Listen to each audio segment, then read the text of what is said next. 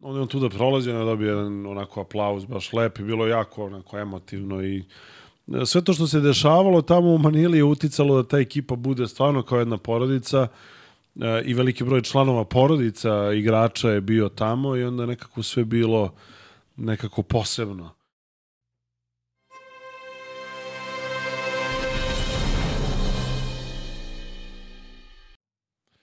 Pozdrav svima i dobrodošli u još jedan Jao Mile podcast. Evo nas, sreda je tu, mi smo tu, gost je tu, sve je tu kako treba da bude. A, pre nego što krenemo, zahvalnost a, Admiral Beto i Matijašević Vinogradima na sponzorstvu. Molbica, zapratite YouTube kanal da biste bili informisani šta radimo i kako radimo. I kao prošle nedelje što ste imali priliku da vidite, u toku je humanitarna ovaj, aukcija za malog Vasilija Teslića. A, ovde iza mene, kao što vidite, Bogdanov dres i Nikolin sa potpisom. A, aukcija traje do kraja septembra. A, imaćete u opisu videa sve informacije koje će vas vući na prethodnu emisiju gde sve tamo lepo stoji. Uh, molim vas, učestvujte u, u ovoj našoj humanitarnoj akciji da možemo da pomognemo Vasiliju da izvrši transplantaciju jetre i da njegovi roditelji uh, mogu da provedu zajedno taj postoperativni uh, period u Italiji. A danas da vam predstavim mog gosta, vama glas veoma poznat. Bilo je zanimljivo ovaj, čuti ga kad je izgubio glas u pol, polufinalu, je li tako? Darko Plašić je s nama. Darko, dobro nam došao. Bolje te našao, rekao ti malo mi je ono neobično da ti mene intervjuišeš, sećam se ono kad smo se družili, gde je ono bilo u Vitoriji na Final Forovima. Vitorija, tako je, bravo. Da, ovaj, ali videlo se tada da imaš ovaj potencijala. Znaš, stavi, je prepoznao sam ja. ne, ne, scouting je odrađen ovaj, još tada i drago mi je što je, što je tako bilo kako je, kako je sada, mislim. Mogu ti reći da, je, ovaj, što bi se reklo, ovaj, moderno izblejali smo kvalitetno. U, bilo je, bilo je super. A. S obzirom da tamo ljudi ko je bio, zna da tamo nema ništa. Nema ništa, bili smo prinuđeni da se družimo. U stvari, ok, da, prinuđeni jer nema nikakvog programa. Mra, Pa nema, ovaj, padala je, padala je i- kiša tih je, dana, baš je bilo, mi u Baski je generalno vreme onako nepredvidljivo i ume da, da veže, za razliku od ostatka Španije, ume da veže ono, kiša nekoliko dana, tako da baš, baš smo bili sve vreme u, u hali, ono, na, nas četvorica. Dobar, dobar je ovaj. Zanimljiv period. Uh, odatle šta se zanimljivo, ja sećam da je CSKA pobedio. Jel tako bilo? Jeste, ja više je, se, da. to je poslednji Final Four pre korone. Ovo možda sledeća sezona, mislim, prekinuta zbog, zbog korone kad je Efes trebalo da, Bravo, kad bravo, su bravo. videli Efes da će da osvoji. A pre toga, ono, Will Clyburn i ekipa donose CSKA trofej. Mislim, meni je Fernando Buesa arena, ono, baš, baš mi je jedna od najjačih ovaj, košarkaških hala u kojima sam bio, takva akustika, onako, baš ljudi vole, vidiš da ono i Rakočević je pričao koliko oni vole tamo košarku, baš je bilo super. Ja sam imao tu sreću da gostujem tamo. I lepo je. Da, jeste, je jeste, lepo, vidi da. se baš. Iako ono- je mala sredina, hala je puna, uvek svi su Je još ono klub. hala na periferiji tamo, ono, znaš, ali vidiš baš da ljudi da, je, da nemaju mnogo drugih sadržaja. Pa nema da, ja da ne znam da imaju neki futbolski Pa imaju klub imaju Alaves, ali, ali je to jedan od retkih španskih gradova da je košarka popularnija od, od futbala. I ono, bude i na Alavesu ljudi, naravno, oni se tu stalno što bore, druga liga, prva liga, ali ono, Baskon je baš, baš ponos, ponos grada. Bravo, mi smo bili išli smo i futbol da gledamo. Tako. Ja na kraju nisam otišao, trebalo je da idem, ali nisam otišao, imali smo i karte i sve, ali nešto je zapelo bilo. Mislim da smo mi sa Perasovićem radili neki intervju i to je potrajalo i onda na kraju nismo ni otišli. Ja sam bio turistički, tako da Pa, evo, ja sam imao vremena. To je, da, to je lakše. Ovo. Ja sad kad, kad me pitaju kako je bilo u Manili, pa rekao To ću vidi. posle da te pitam. Jasno, evo, hoću kažem ovaj, kao, kako je bilo, pa rekao vidi za one koji su bili turistički, sigurno je bilo super. A meni, boga mi, baš i nije. Jet lag, E, nije, nije. Ovaj, pa nekako kad dolaziš sa istoka nije toliko. Kad dolaziš sa zapada je problem. Bar meni. Ono. A, kao o, vraćaš se u vreme. Pa da, okej mi je kad, kad, kad dolazim sa, sa istoka. Druga stvar, jako je bitan taj detalj da smo dolazili sa ekipom i da, da smo u cugu leteli. istorijski let Air Srbije od skoro 14 sati, to je najduži let koji su imali. Wow. Da, nema iz negde Manila. da se natanka. Ne, ne. Sezaš, može Da, može dobaci? dobaci, taj Airbus može dobaci, kažu nešto 11,5 valjda hiljada kilometara, a Manila je 9 i 600, 700, tako Wow. nešto. I baš je bilo onako, bila je porodična atmosfera, baš je bilo lepo i nekako, jeste stvarno kada je 13-14 sati let, ja sam najviše leteo, ne znam, 9, 10, I ogromna je razlika u tih 4 sata, zato što, kao, znaš, ono, ostane ti još sat vremena, kao pogledam još jednu epizodu neke serije i sleteli smo, znaš. A ovde kao do, letim 9 sati, ostalo još 5. To je, jeste malo problem, ali dobro, stvarno je bila baš onako atmosfera domaćinska u, u avionu i onda je sve nekako Pa brzo dobro, prošlo. raspoloženje je bilo, što bi se rekao, lepo i... Pa prom, uh, bilo je malo e, neobično je bilo, zato što, znaš, bio je tu i Boriša, pa malo se vodi računa o tome da, da, da se ne ugrozi njegovo putovanje u smislu da ne budeš previše glasan, da ne budeš previše bahat. E, bilo je malo tu i opuštanja definitivno i delovalo je da je onako ta tuga jer si izgubio finale počela malo da popušta i da, da su ljudi malo opušteniji i da i kao što i treba da budu, ali onda na kraju, znaš, kada već postanu e, previše bučni i to onda se malo vodi računa ipak da o nekom kućnom redu, da, Da, da, tako, da, da, da. tako kažem. A, ali je bilo onako baš lepo. Baš je bilo, baš je bilo kako treba i e, ti momci su bili fenomenalni tokom celog turnira i onda e, mislim da, da i cela ta situacija oko Boriša je uticala da, da ne mogu baš skroz da budu ni opušteni tokom turnira, a onda kada se videlo da i njemu dobro, on je u jednom trenutku čak i prošao kroz avion, pošto ekipa je bila u prednjem delu, tamo u biznis klasi, okay. a Boriš je bio skroz u zadnjem delu gde su mu omogućili da može da, da ima krevet i medicinsku Aha, negu znači, i ipak to. su malo... Ovaj, Jesu, jesu, skroz. On je bio skroz odvojen tamo nazad, a mi smo bili u tom srednjem delu.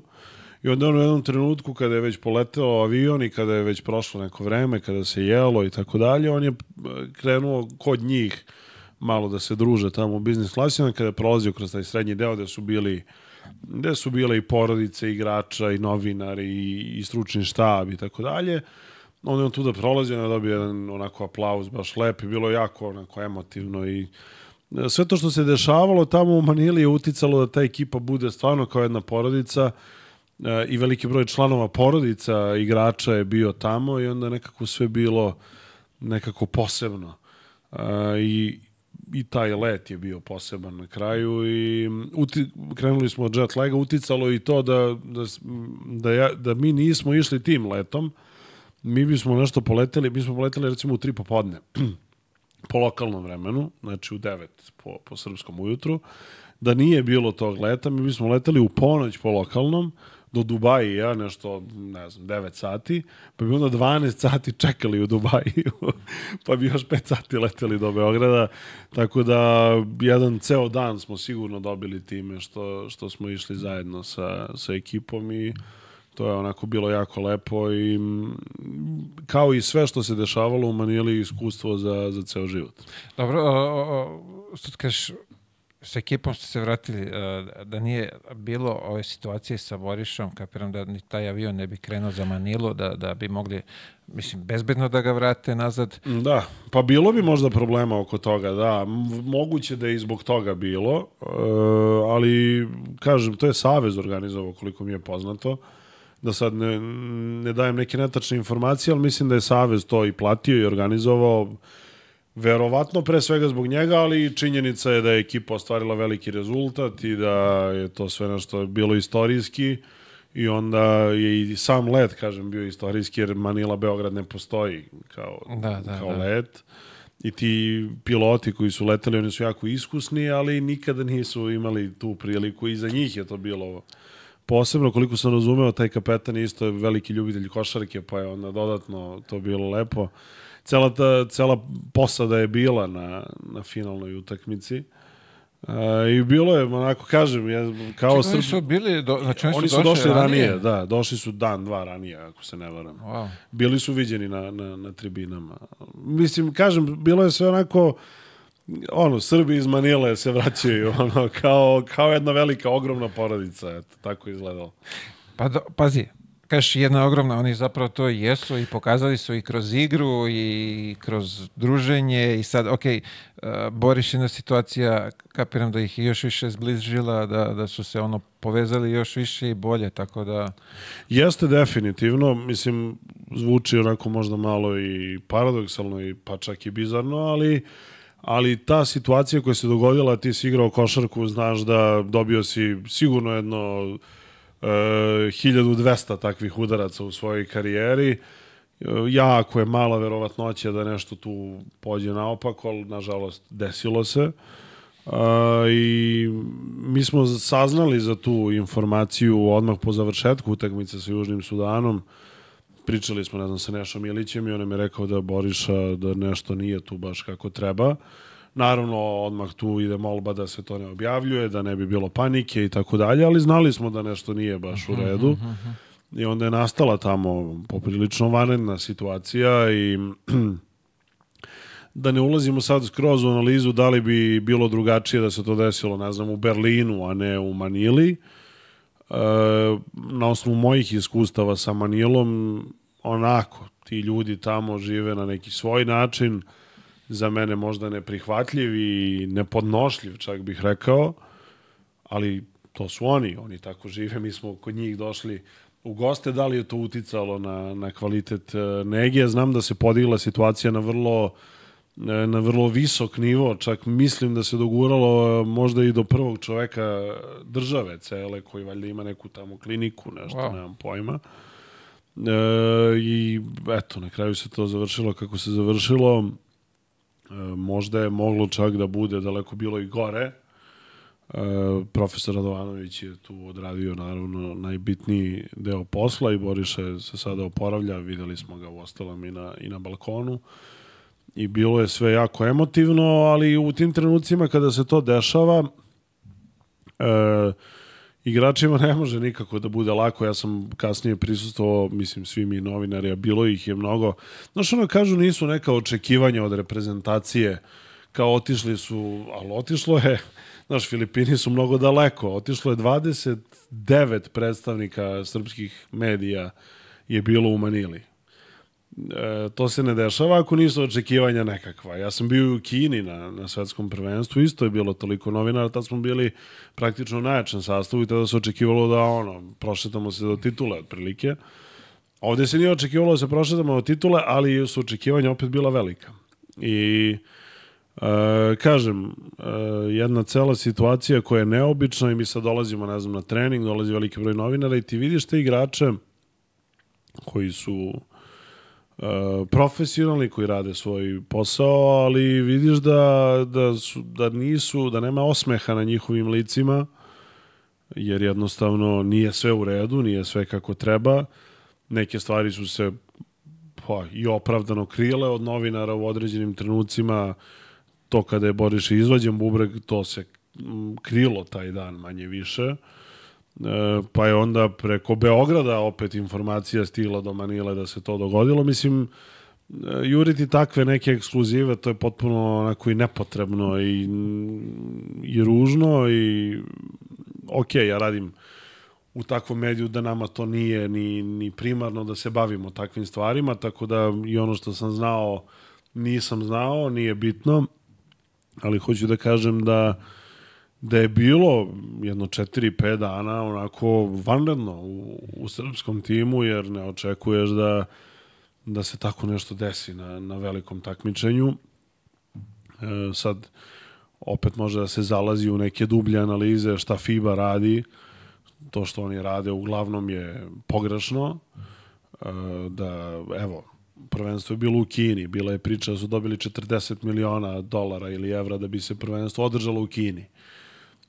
Pa onda znamo kako FIFA koja je opet e, da je veća lova u pitanju. Pa da je nenormalno velika lova u pitanju kako oni reaguju i šta oni rade. Ide po ključu neko, malo Evropa, malo Azija, malo ok, futbal je mnogo veći, mnogo bitniji i tako dalje, ali opet e, tri vezana svetska prvenstva će se držati u Aziji. Znači, bilo u Kini, pa Filipini, Japan, Indonezija, Indonezija i sledeće u Kataru, Katar, da. jer je novi predsednik FIBA iz Katara. A, I, da. mislim, e, malo je bez veze. da se tako blago izrazim. E, Filipinci stvarno vole košarku i to se primeti. I Uh, mi smo udaljeni od njih skoro 10.000 km, ti kad kaže Srbija, oni znaju za Srbiju zato što vole košarku. Uh, ali malo i ta organizacija i Filipinci su generalno oni su najljubazniji narod koji sam ja vidio u svom životu. To je prosto neverovatno. Znači, klanjaju ti se, smeju ti se, ali ne znaju mnogo o, o organizaciji, o lupam, ti se u prodavnicu, dođeš na kasu i provedeš tu 7 minuta nepotrebnih, jer oni nešto rade, nešto, no, sve je kod njih lagano, sve polako. I kažem, govorim o ovome zato što u samoj hali to sve izgleda svetski, sve izgleda kao da igra se i u Londonu i u Los Angelesu ili sve jedno.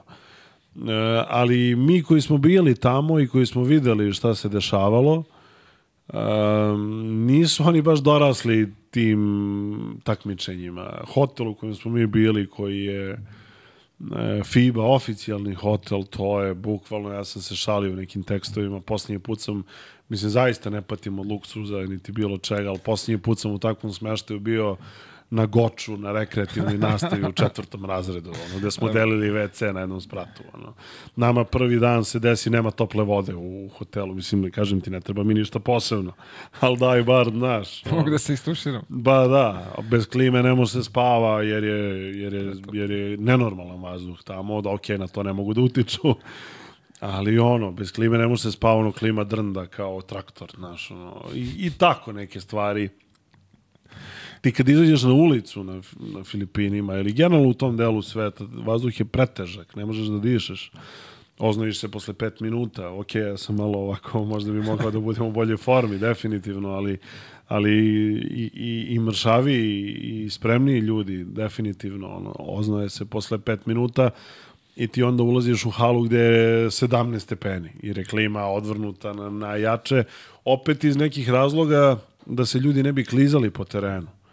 Ovaj, da, I onda su imali, da, laga. i onda Predrag Bogosavljev nam je pričao, koji je u organizaciji FIBA World takmičenja, da, ovaj, da kad uđeš u halu, onda ide ona vodena para neka, mnogo, tipa 3-4 sata pre utakmice, oni puste iz svih uglova napravili su neki kao izlazi vodena para i da bi, da bi vazduh bio što kvalitetniji unutra, da ne bi samo bilo hladno, nego da bi, da bi moglo lepo da se, da se diše i da ne bi bilo kondenzacije po parketu, da ne bi igrači padali i povređivali se.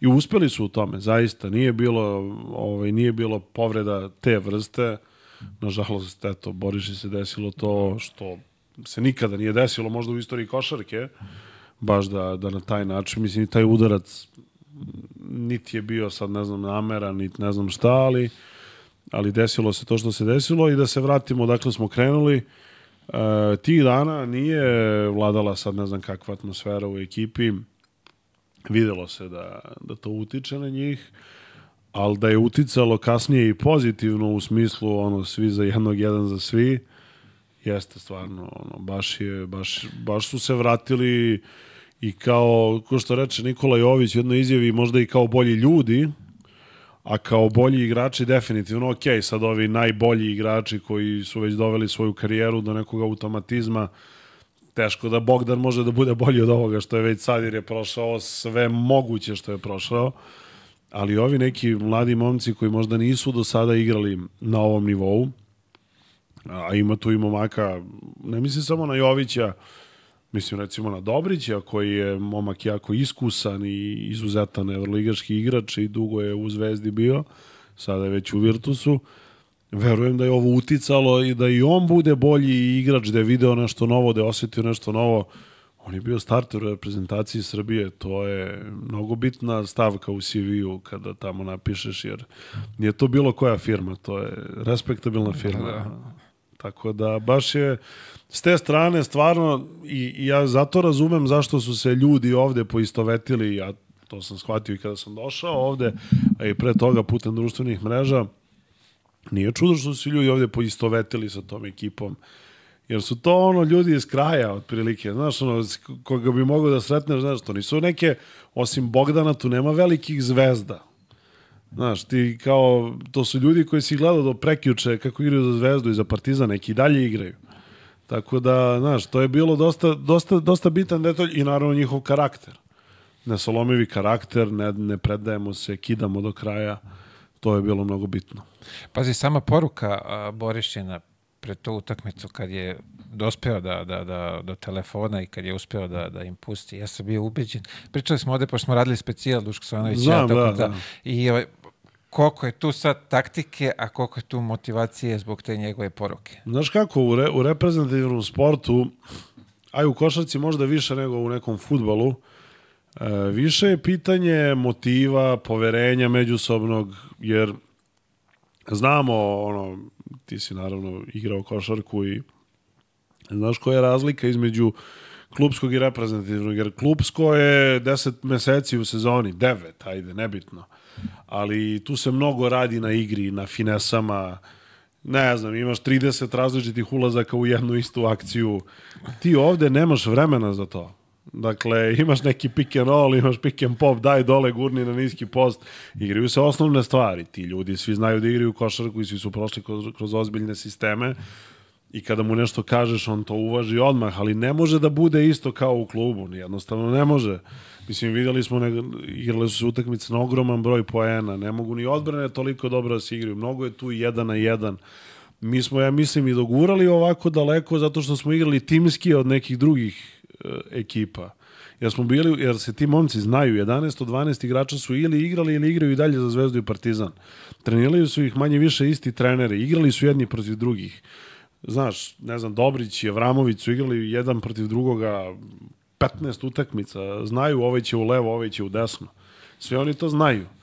I ono, i ono što se ja onako pričao i sa ljudima tamo i što sam pisao u nekim tekstovima, svi ti ljudi su igrali utakmice gde im je ugrožena egzistencija. Pravo. Znaš, ono, dođeš na utakmicu, ne znaš da li će neko da te zvekne sa tribina nečim, ono, ne smeš da izgubiš, bre čoveče, znaš, ono.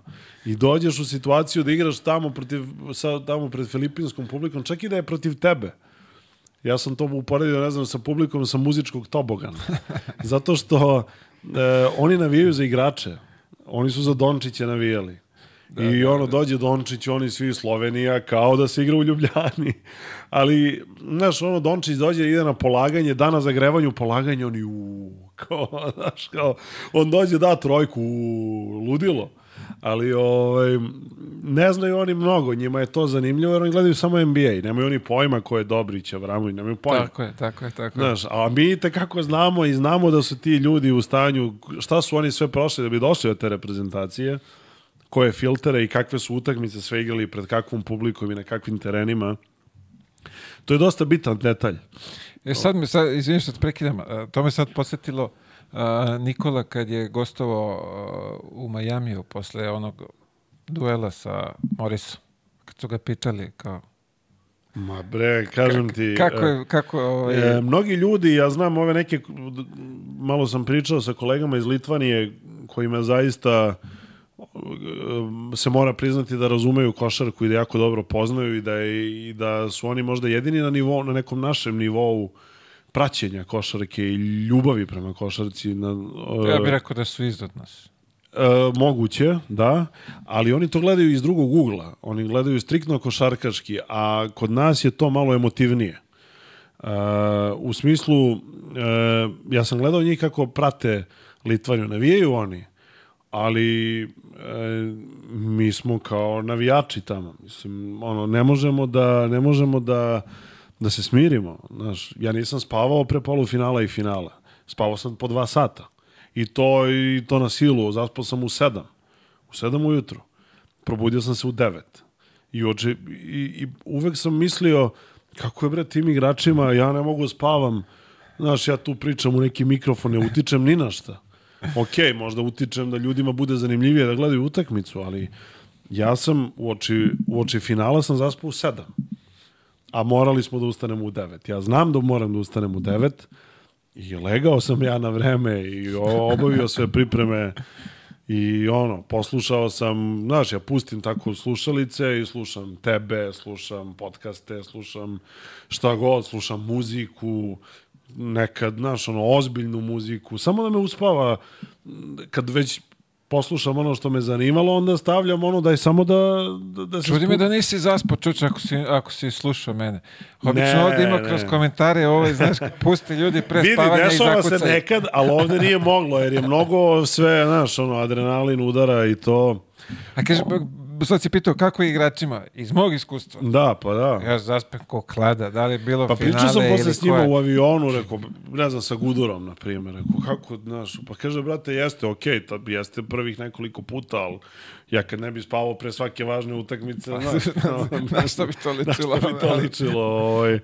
Sve ne znam šta smo počeli da pričamo, ali, ali hoću ti kažem, baš je onako, jer ti kad si na nekom događaju kao, eto, i komentator i novinar, nevezano, ja sam više bivao kao novinar, uh, gde ljudi ne mogu možda ni, ni toliko široko da čuju šta ja mislim, nego nešto izveštavam, ja neko to čita, ali...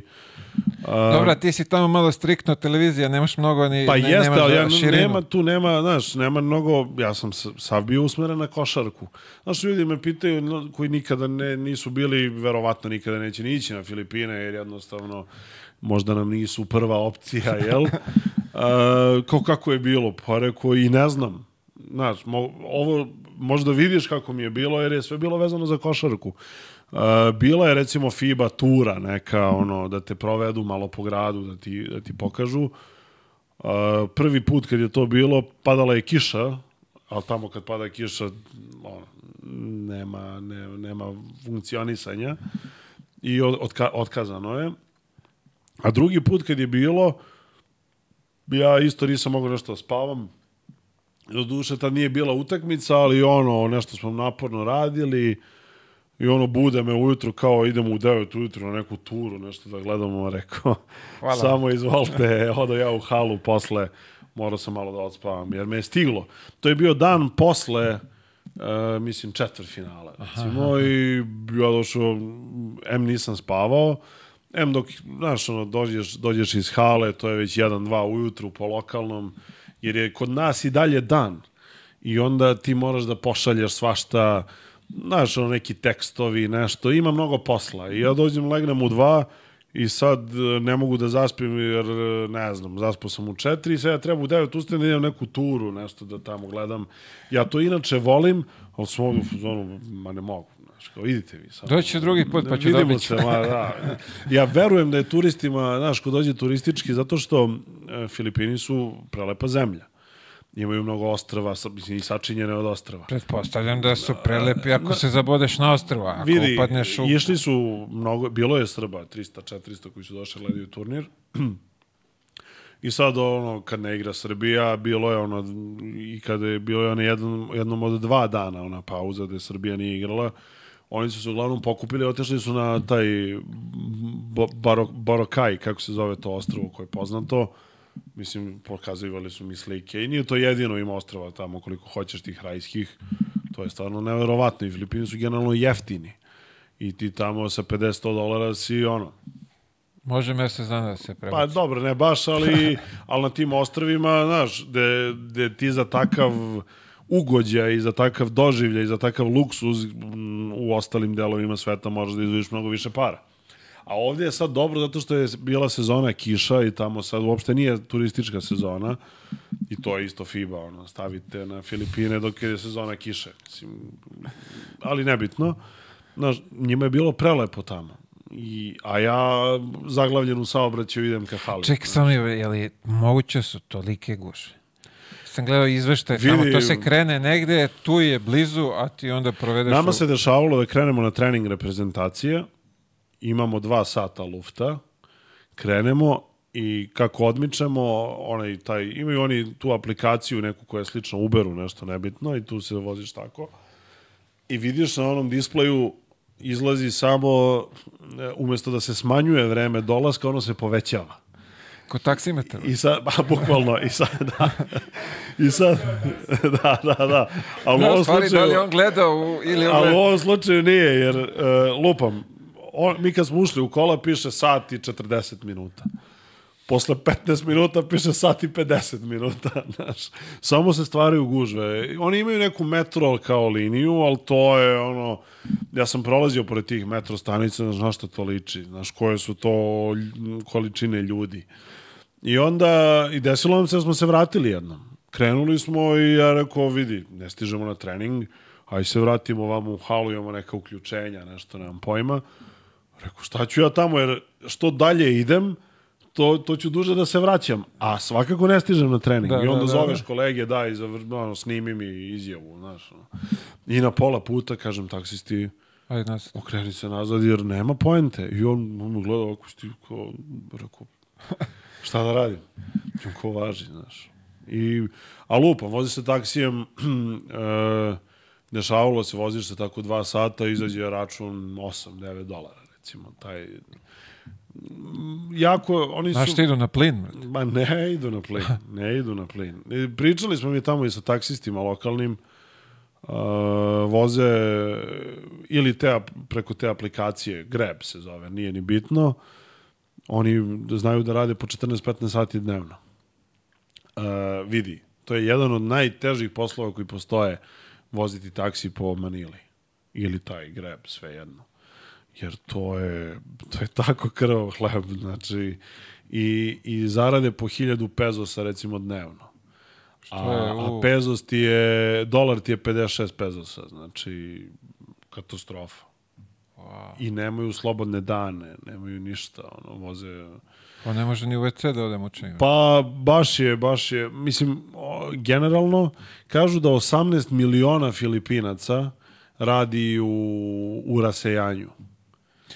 I velike su njihove I, te... I kažu da su oni jedni od boljih radnika generalno, zato što, znaš, svesni su kako je kod njih Da, da. u, u zemlji Ne i onda jesi- idu, znaš. Ako si bio dole na Bliskom istoku, Dubaji, o, Imao sam, Saudija bio sam u. Dohi, da, jasno e, to mi je to, da, to je pa to, da. svi su tamo. Da, Znači, da, svi su da. tamo i sad kad već pričamo o košarci, a, Saudija, svi imaju svoje lige, Da. u svakoj zemlji Filipinci imaju svoju ligu. I mogu ti reći da je u nekim zemljama kvalitetnija od, od, od ovih Znaš kako, liga. ovde Filipinci stvarno ne može im se osporiti, ja, mm, ne, oni stvarno jako vole košarku, ali nisam siguran koliko je baš poznaju u smislu razumevanja same igre, oni samo gledaju ka NBA-u, ništa, A da, drugo, ih, pa ništa to. drugo ih ne zanima. E, mislim, sad idemo sa teme na temu, ali verujem da je ljudima sve zanimljivo vezano za, za to. E, prvi dan kad je bio svetskog prvenstva, sve utakmice u našim tim grupama su igrale u Araneti i u Moa areni gde se igralo finale. I od četvrt finala pa nadalje. Prvobitni plan je bio da se igra u Filipini areni završnica. Filipini areni je, arena je najveća hala na svetu po, i dalje zvanično. Prima 50.000 ljudi.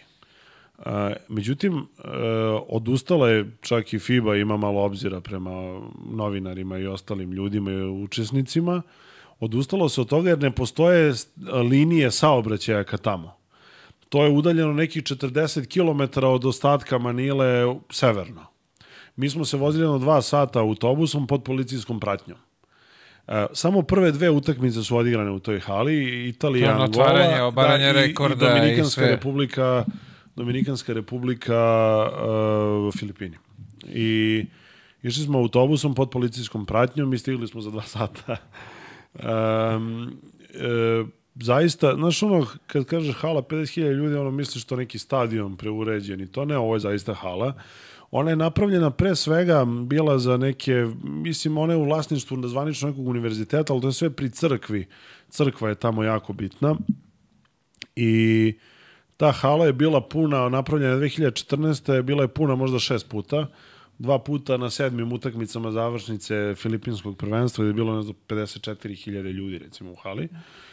I uglavnom uh, ta hala ima tri strane tribina, ne, a za če- četvrta je namenjena za te njihove verske uh, obrede, gde tu bude sad taj neko ko propoveda i zato je ta jedna strana praktično nema tribina. Znači oni imaju tri strane tribina i 50.000 ljudi Mislim da može. ima i četvrta. Može, da, može da stane. To je stvarno ko pravi stadion, ali ja sam mislio da to neki onako Frankenstein od hale, ali nije baš. Jako, jako je skladna i lepo napravljena i mm, onako baš me zanima kako je onom liku gore na, na vrhu tribine. I mi smo se ovde pitali isto, šta je on Znaš video? koliko on vidi, ali deluje mi da se vidi dovoljno. Onako, e, ta jeftinija mesta su bila prepuna, a ova skuplja, boga mi, nisu. Bilo je 38.000 ljudi na toj utakmici, a kapacitet su oni smanjili na 46.000. Dakle, 8.000 mesta je bilo prazno. Ali ono što je bilo upadljivo, je da je na početku, čini mi se, bilo više ljudi nego malo kasnije. Da su oni možda tu dovukli neke ljude malo da... Na, na silu, A dobro ja sam onda zezao. O, bilo je, znaš, e, do te hale se dolazilo autobusima, jer kolima se niko ne usuđuje da ide tamo, jer je mnogo velika gužva. I onda su bili organizovani autobusi, oko hale je bilo sigurno jedno 400-500 autobusa koji su dovozili ljude ovaj, u halu. I bilo je zanimljivo, stvarno prodaju dresove okolo, znaš. Ali oni, kažem, e, na početku te utakmice Dominikanska republika Filipini, znaš, oni u centru pažnje su naravno bili Towns i, i Clarkson i oni kad prime loptu, to je ono, haos. Kad su Filipinci dali prvi koš, to je jedno od većih buka, možda i najveća koju sam čuo uh, na košarkaškoj utakmici, jer jednostavno 40.000 ljudi urla. Da, da, da, da, da. Međutim, kako utakmica odmiče i kako Dominikana vodi, kako to, nije to više tako, znaš. Imaju oni tu emociju i to sve je super, ali kako utakmica odmiče, pada to malo, nemaju oni tu ni kulturu navijanja, ni, ni bilo čega, oni su došli tu da vidi, ja sam tu malo i pričao okolo sa ljudima, većina tih ljudi nikada nije ni bila u toj hali. E, zato što, znaš, nova je hala, mislim, ti kad ideš Manilom, glavni utisak je da je to sirotinski grad. Mnogo je, mnogo je ljudi koji žive ispod bilo kakve granice ljudskog. E, mnogo je prosijaka, mnogo je beskućnika, mnogo je dece koje prose. E, kiša je padala 3-4 dana za redom. Pa mi smo bili u hotelu koji je nadomak nekog, pa ja bih to nazvao favelom, zaista. E, gde vidiš da se deca kupaju u barama. Mislim, baš onako... Um, I Manila je grad kontrasta. Vidiš to, a ima delova grada koji izgledaju kao Singapur. Luksus. gde, da, gde sedneš u, ne znam, gde probaš da sedneš u restoran, ono, obrok je prosječan 100 dolara. A ovaj Po osobi, za... ovamo nemaju ljudi, ni, Da, da, da. nemaju bukvalno ni za šta. Pa zato ih jeste 8 miliona preko... 18. 18, da, 18, 18 miliona. Da. I kažu da svi plaćaju kao porez u, na, da, je, da je to jako rigorozno. Da moraju da, da moraju da plaćaju porez matici. Se... Da. E sad koliko to, sad to su... Da, da, da, da, da. Sam čuo te priče, koliko su tačne, ne znam. Ali, ali činjenica da onako, ima bukvalno to da su recimo Amerikanci bili smešteni u tom hotelu. Možemo, možemo da pričamo, je, sigurno i o Amerikancima bilo jako zanimljivo provesti s njima određeno vreme. A, taj hotel, izla, to, je, to je smešteno u jednom delu Manile gde si ti gde gledaš i misliš šta je bre ovo? Je li ovo taj isti grad? To je prelepo, to je oaza jedna, bukvalno. Pa dobro, Ameri neće biti naravno... Ne, sve, sve jasno. Razumemo se, da. Sve jasno, ali kažem ti ono... Tako da, jako je, to jeste stvarno drugi svet. Mislim, ja sam bio u Kini na svetskom prvenstvu, ali Kina je mnogo moćnija zemlja od Filipina i, i po pitanju infrastrukture mnogo, mnogo razvijenija. Filipini gradi se, mnogo se ulaže u Manilu i Kinezi generalno gra- grade najviše u Manili i, najvi, i najviše novca ulažu i, i, i cene nekretnina tih novih koje se grade su jako, jako ozbiljne. To ide po 5 5000 dolara po kvadratu i tako dalje. Tu smo, znači, Beograd i Pa Manila. je, tu smo negde, da, ali vidi, ti sa 5000 dolara u Manili možeš živiš godinu dana. Lagano. U određenim Je, delovima. pazi sad, ovo pričaš mi sve i ja povezujem sve te a, Filipince koje sam ja viđao vamo na Bliskom istoku Sad dok sam sve živio, sad mi sve jasno, da. Oni uglavnom ukice rade to najprljavije moguće, Pa naravno. Arapi neće da rade, to im je ispod časti, jeftina radna snaga dođe Jeste. tamo, radi tipa za 300 eura, oni su u kući za 300 eura, bogovi. Bogovi, bogovi. Sad mi je jasno i kako a, bila je jedna ovaj, a, kako se to zove, ovaj, maid, čuvak po kući, čisti Mhm, sve to. mhm. Ovaj, tako nešto 300-400 evra je plata. Hvalila se da je napravila kuću tamo. Posle Vidi, ima pa naših ljudi isto godina. uspešnih tamo, zvali su nas bili, ali mi nismo mogli da stignemo, neki su uspevali da idu kod njih, ono, kuće na obali i to, ono, baš su se snašli super. Ali da ne bude sad da ja pričam najgore o Filipinima, oni su jako, jako srdačni, srdačni ljudi. Prosto neverovatno. Nema šanse da ti izađeš, izlaziš iz hotela da sam otvoriš vrata, recimo. A mi smo bili u hotelu, rekao sam rekao sam ti. Pa, pa čak i tu otvoraju Ka, vrat. ne, ne, ono, klanjaju ti se i to sve. Mm, Često ne umeju da ti pomognu jer ne znaju da li nisu dovoljno obrazovani, da li nisu dovoljno vešti u nečemu. Poprilično Kakav je engleski? dobar, dovoljno dobar. Dovoljno dobar. Zato što oni su dugo bili, e, amerikanizovani su poprilično, zato što oni su kroz istoriju pre svega bili pod špancima, ali u ovom, ali su bliskije, u bliskijoj istoriji bili pod Amerikancima i mnogo je amerikanizacije, ono, znaju Ako ne znaju engleski, razumeju ga i ako ti nešto im kažeš, ne, sigurno će te razumeti, ali ima ih i koji jako dobro pričaju, mislim, ali E, zanimljivo je iskustvo bilo definitivno, ali kažem ti, izlaziš iz hotela, on ti.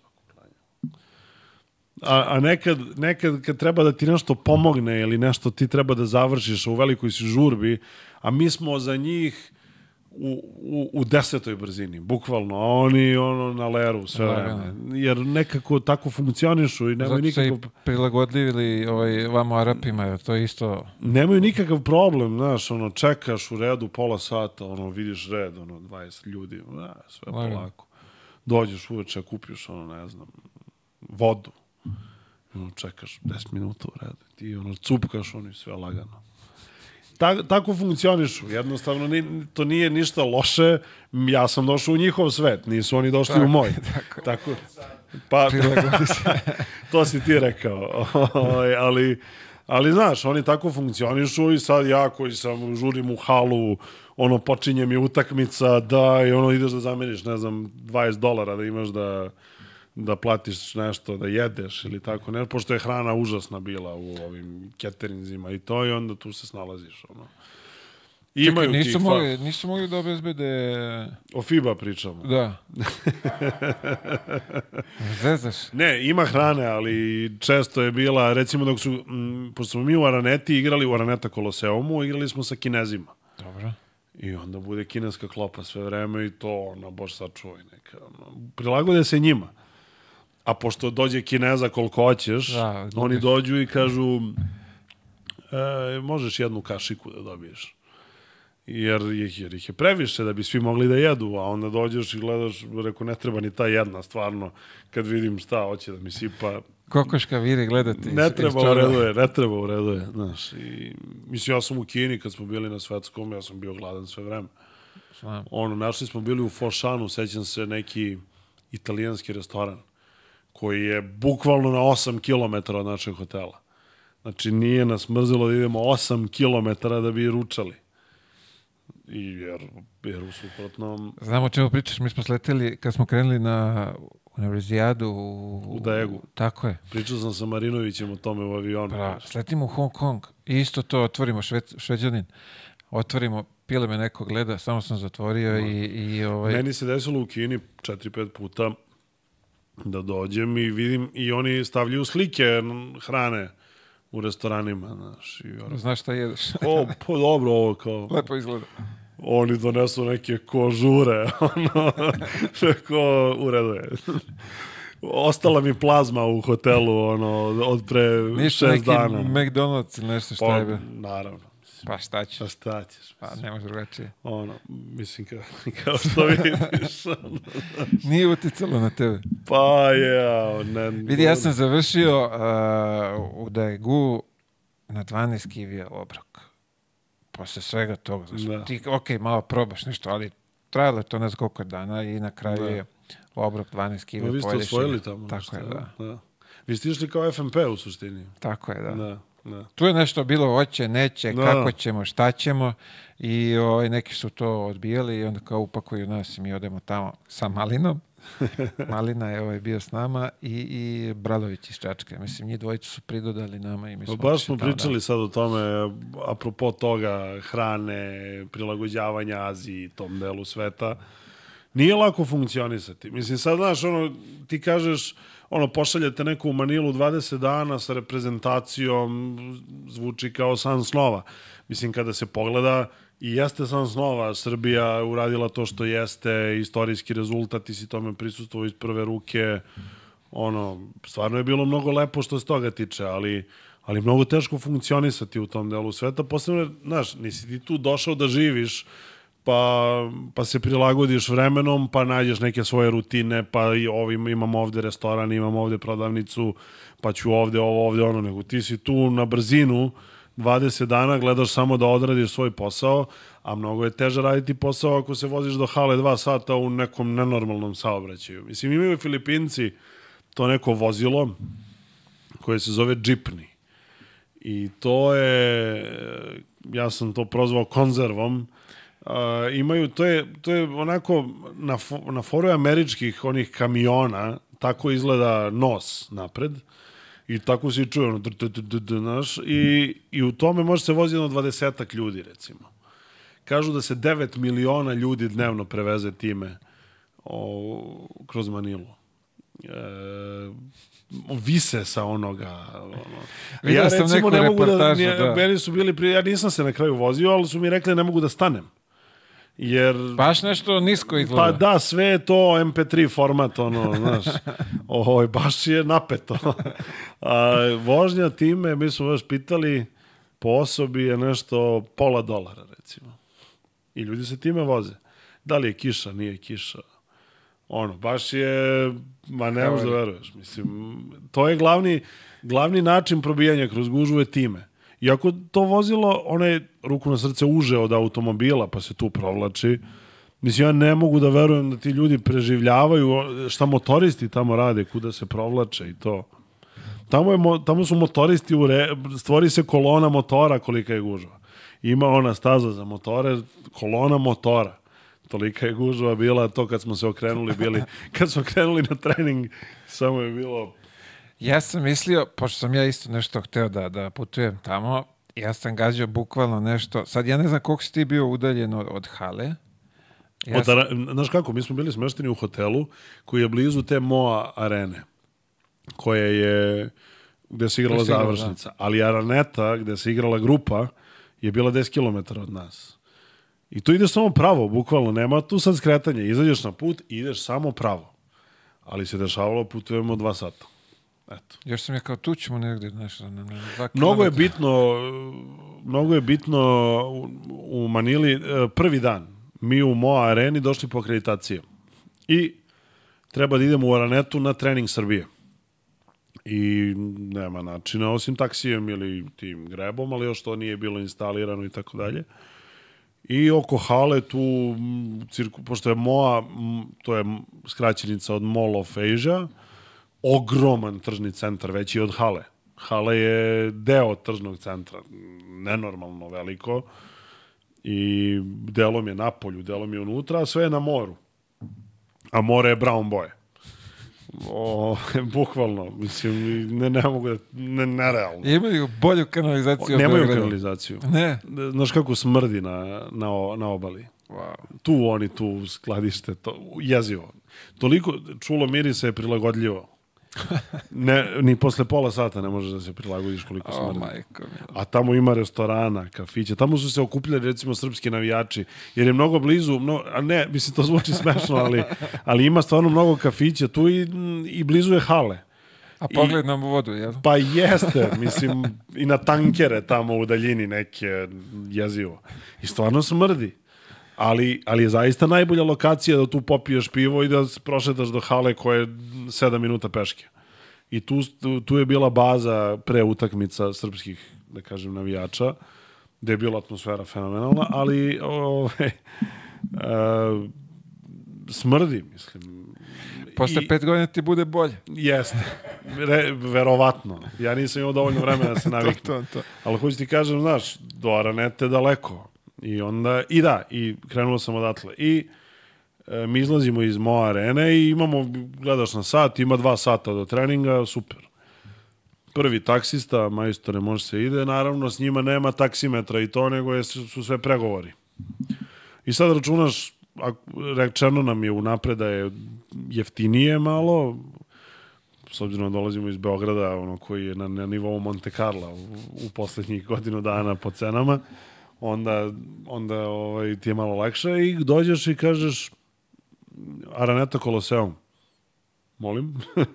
Samo gas. Ni ne, ne, neće ni da te odere. Samo kaže neću da te vozim. Iz sedmog pokušaja smo nekog lika ubedili da nas vozi. Pristo. Da. A i to, znaš, to je bila neka, ne znam, bilo možda desetak, 15 dolara, recimo. Tako nešto. Za koliko se rekao, 10 km? Pa da. I to je gužba bila solidna i onda smo shvatili zašto nas je šest taksista pre toga odjavilo. A čekaj sad, objasni mi ovo. Ok, vi ste tu, mučite se, prevo, sve. Kako bre ekipe putuje, šta? pod policijskom pratnjom i uglavnom uh, su smešteni u blizini hale gde igraju. Recimo Crnogo, uh, u završnici uh, kad se stiglo do četvrt finala, svi su bili smešteni u tom Konrad hotelu koji je koji gleda bukvalno na halu. Može peške da se ide. A dok je bilo srpska reprezentacija, iako je sve vreme bila u Manili, promenila je hotel kada se, kada se plasirala u završnicu. Tako da to je... Više su malo bliže Halija. Manila je podeljena po nekim mini gradovima koji imaju svoje imena i to i onda ima, ne znam, Kezon, ovako, onako, sad zaboravio sam ta imena. O, I onda mnogo je bitno da ne, da ne ideš iz tih naselja u naselje, da, da, jer je da, mnogo da. daleko i mnogo je naporno i, Sad opet, i loše okay, saobraćaj. policijska pratnja, sve, ali ako je tolika gužva, Znaš, pa kažem ti, oni se muče da rešenje, da rešenje je smeštaj u blizini, u blizini hale, to su svi radili. Mi smo, aj kao ovo FIBA oficijalni hotel, računaš, ok, neke i malo dalje, znaš, ali FIBA je to, mislim, oni šta oni rade. E, to... komentarisali smo ovde, sva, pre svega zbog izbora ovaj, je, a, gde se održava svetsko prvenstvo, pa izborom sudija koji su ajde, finale da ti svira Meksikanac. I Vidi, FIBA, ne znam e, na, na šta ste konkretno, gde vam je bio akcenat, ali ja iz moje neke, ono, FIBA Evropa je jedina organizacija koja je izgubila klubsko takmičenje na svetu, otprilike. Mislim, Nije ni Euroliga cveće, ali je za, za FIBU, mada je FIBA Liga šampiona sad malo... Polako vraćaju se. Vraćaju da, se, da. zaista, i ok, poštovanje, sve u redu, ali mislim, to nije realno, ali FIBA je zrela da im se oduzme, oduzmu reprezentacije, majke mi. To šta oni rade i na koji način funkcionišu i koji, koji je sistem takmičenja, gde ti računaš koš razliku u svim grupama ono neko igra protiv Jordana, neko igra protiv Nemačke. I kao sve jedno, da li, znaš, kao 30 razlike 30 razlike. Koga god si pobedio 30 razlike, to je 30 razlike. Prenosi se sve u drugu grupu. Znaš, kao ti si nekoga unakazio tamo 50 razlike, ono. I bio je Kinez ovo jedan dobar, s njim smo se družili, neki producent tamo, šta li je. I mi kad smo stigli već do polufinala, kaže, Pa da, kad ste nas dobili, posle bilo sve lakše. Kaže, ono, ono bilo 40 razlike u prvom kolu. Obezbedili ste. Pa da, kad ste nas dobili, posle ste se opustili. Ne, ne, mnogo, mnogo nekih čudnih odluka. Ma katastrofa. Mislim, ok, Filipini vole košarku, sve razumemo. Sve pitanje para. Znamo da se radi na popularizaciji sporta i, i to razumemo. Ali, brate, Kod FIBA je sve pitanje para.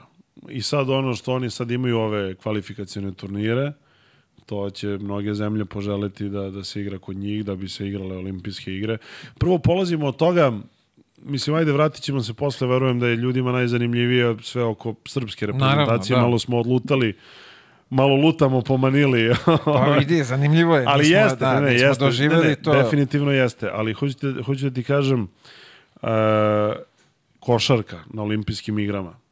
Posebno kad se pojave Amerikanci, ono, dođu Lebron i ekipa, je sigurno u top 3 naj, najzanimljivija sporta za gledanje.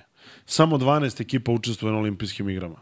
Zato što su oni rekli FIBA imate to toliko mesta i to i oni FIBA nema dovoljno autoriteta da kaže, alo, treba nam bar 16. I to je možda malo, ako imamo u vidu zanimljivost, ono dođu tamo atletičari, oni trče na 100 metara, rekord im 70 metara. Znaš, ono, ne, ne mogu da, ne mogu ništa, oni se takmiče na olimpijskim igrama, a ne znam, Argentinci su već otpisani sa olimpijskih igara i tako dalje, ima još ekipa koja će sigurno propustiti olimpijske igre, ok, mi smo uskočili, Da, ali, ali, ali zna, znaš šta hoću da kažem. I, I FIBA nema dovoljan autoritet prvo tu. Da bar 16 ekipa, ako ništa drugo, pa ih podeliš u četiri grupe, pa svi učestvuju, pa bude, znaš, bude zanimljivije, pa mislim, svi gledaju košarku na olimpijskim igrama. U ostalom, final olimpijskih igara u košarci je jedan od poslednjih događaja koji postoje na olimpijskim igrama, da bi se u velikom stilu završilo 2008. i 2012. kada su igrali Amerikanci i Španci, to su dve najbolje internacionalne utakmice vjerojatno u istoriji košarke. To što su igrali Španci, što su se suprotstavljali Kobe u ekipi i, i u Pekingu i, i u Londonu. I, I FIBA, M što nema dovoljno autoritet, M samo gledaju ko će to da plati. Uh, I Azi, Az, Azijatima je to zanimljivo, oni to mogu da možda i prodaju negde nešto. Bila je priča da su Kinezi dali 40 miliona za, za svetsko prvenstvo 2019. Za ovo sad nisam proveravao, Koliko ali će Katar tek da Pa- ljusne pare za pa to. to ti kažem. I, I, tome, i onda, Bio sam tamo, znam kakve hale imaju. Znači, Pa oni da, dobro, to- tamo neće izlazi napolje uopšte. Će, zamisli u avgustu dođeš u Katar, malo da vidiš kako je. E, pa, Bože zdravlje, bit ćeš. Pa, eto, pa ćeš da. onda kažeš u onama. Bi, ja sam bio dobro. u oktobru i nisam napuštao u, ono, tržne centre, hale i to, hotele. Ono izađeš napolju i kao, zašto bih ja bio napolju? Bio Nikoga sam, ni nema napolju, jer... Bio sam, doživio sam. Pa znam, znam, sve kako. dobro, ti si... Ali kažeš ti, to je to. Vlaga 90%, Ma, bre, katastrofa, ma, 98%. katastrofa. Ali Napolju. nije ni ovde, i ovde isto, ali hoću da ti kažem, mnogo je pitanje para i sad će da isto bude pitanje para ko će da organizuje. Pa mi kad smo, kad je bilo u pioniru, ono, kad smo izgubili od Italijana, mislim da je bilo milion, milion i po da se plati, da se organizuje samo taj turnir. Samo? Pa da. Ja sam čuo više. ali. Pa eto, možda Da, da, vidi. da. Ali, ali šta hoću da ti kažem, oni od tih turnira, gde to ima, ti igraš olimpijske, olimpijske igre su u avgustu, ili kad god, a ti krajem jula igraš turnir. I nemaš pojma da li ćeš da ideš na olimpijske igre ili nećeš. A, a igraš 10 dana pre olimpijskih igara i kao, eto, sad si prošao, ajde, majstore. I to te košta 2 miliona. Ne, ne, mnogo, mnogo čudnih odluka. Ja nemam pojma. Baš smo ovde razbišali, pričali, ko, ko, komentarisali. Koji su to, bre, kako te sudije skupljaju te bodove da bi uopšte se pojavili na svetskom Pa prvenstvu? znaš kako, uh, FIBA, Ko to rangira? Da, FIBA sudije isto one su dosta profitirale činjenicom da se Euroliga odcepila i ruku na srce treba možda biti i pošten, mi više gledamo evroligašku košarku i NBA košarku nego FIBA košarku. I to je ipak jedan viši nivo i brže se igra, čvršće se igra, drugačija je košarka. I onda kad dođeš FIBA sudije, ja sam za ovih 20 dana naučio, oni se apsolutno najstriktnije drže pravila. Ali ne osjećaju igru nula. Da, da, da, da. Osjećaj za igru. ništa. Nula osjećaj za igru. I onda sviraju sve i svašta, igrači se nerviraju, unozi se nervoza. A komentarisali smo ovde. Okay. A drugo, da ne, da ne idemo tamo, jer već ste pričali o tome, ne mogu ja ništa novo da ti kažem. E, osim što su ljudi bili šokirani vrlo često nekim odlukama, kao šta radiš to. I te sudije nisu ni navikle na taj intenzitet igre i na tu brzinu igre, jer oni sude neku košarku koja je na nižem nivou. Tako je. I Onda... onda... dođu te NBA igrači. Ali znaš šta meni tu dođe kao problem? Što ispred mene ja, desi se aut. Aut je pitanje gledanja, nije pitanje znanja. Znači, svi znamo da li je aut ili nije aut i čiji je aut i ko je posljednji igrao loptom. Oni to ne vide.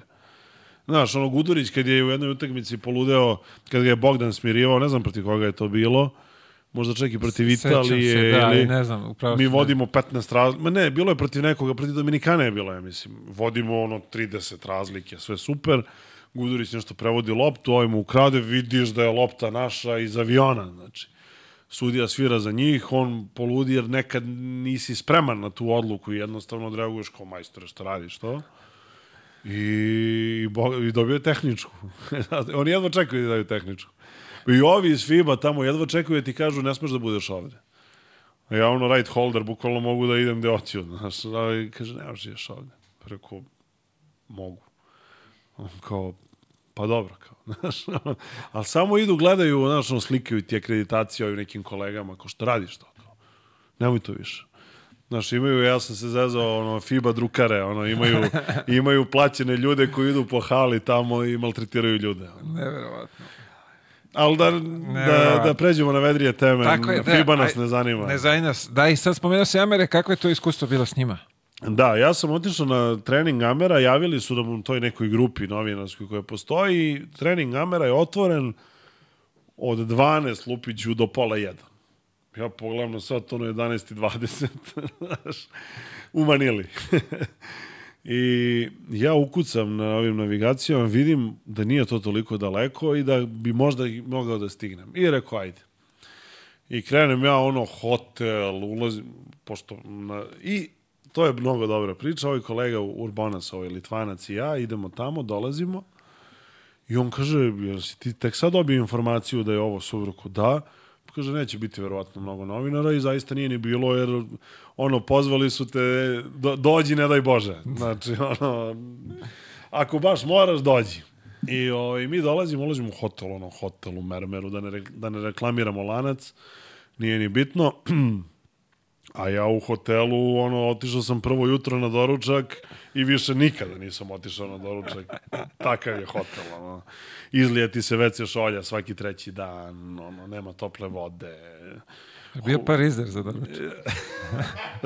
Bravo. Možda je bio, ali ja više nisam hteo da idem na doručak, znaš. Probao si jednom, rekao hvala.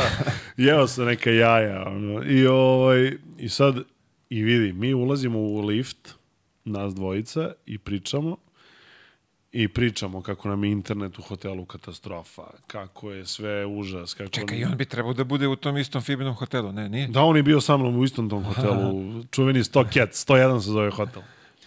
I, o, I mi pričamo o tome i sad u liftu je, ne znam, 10 ljudi. Pošto oni su nama rekli, uđite u hotel i popnite se na šesti sprat, ispostavit će se da je tamo privatna hala.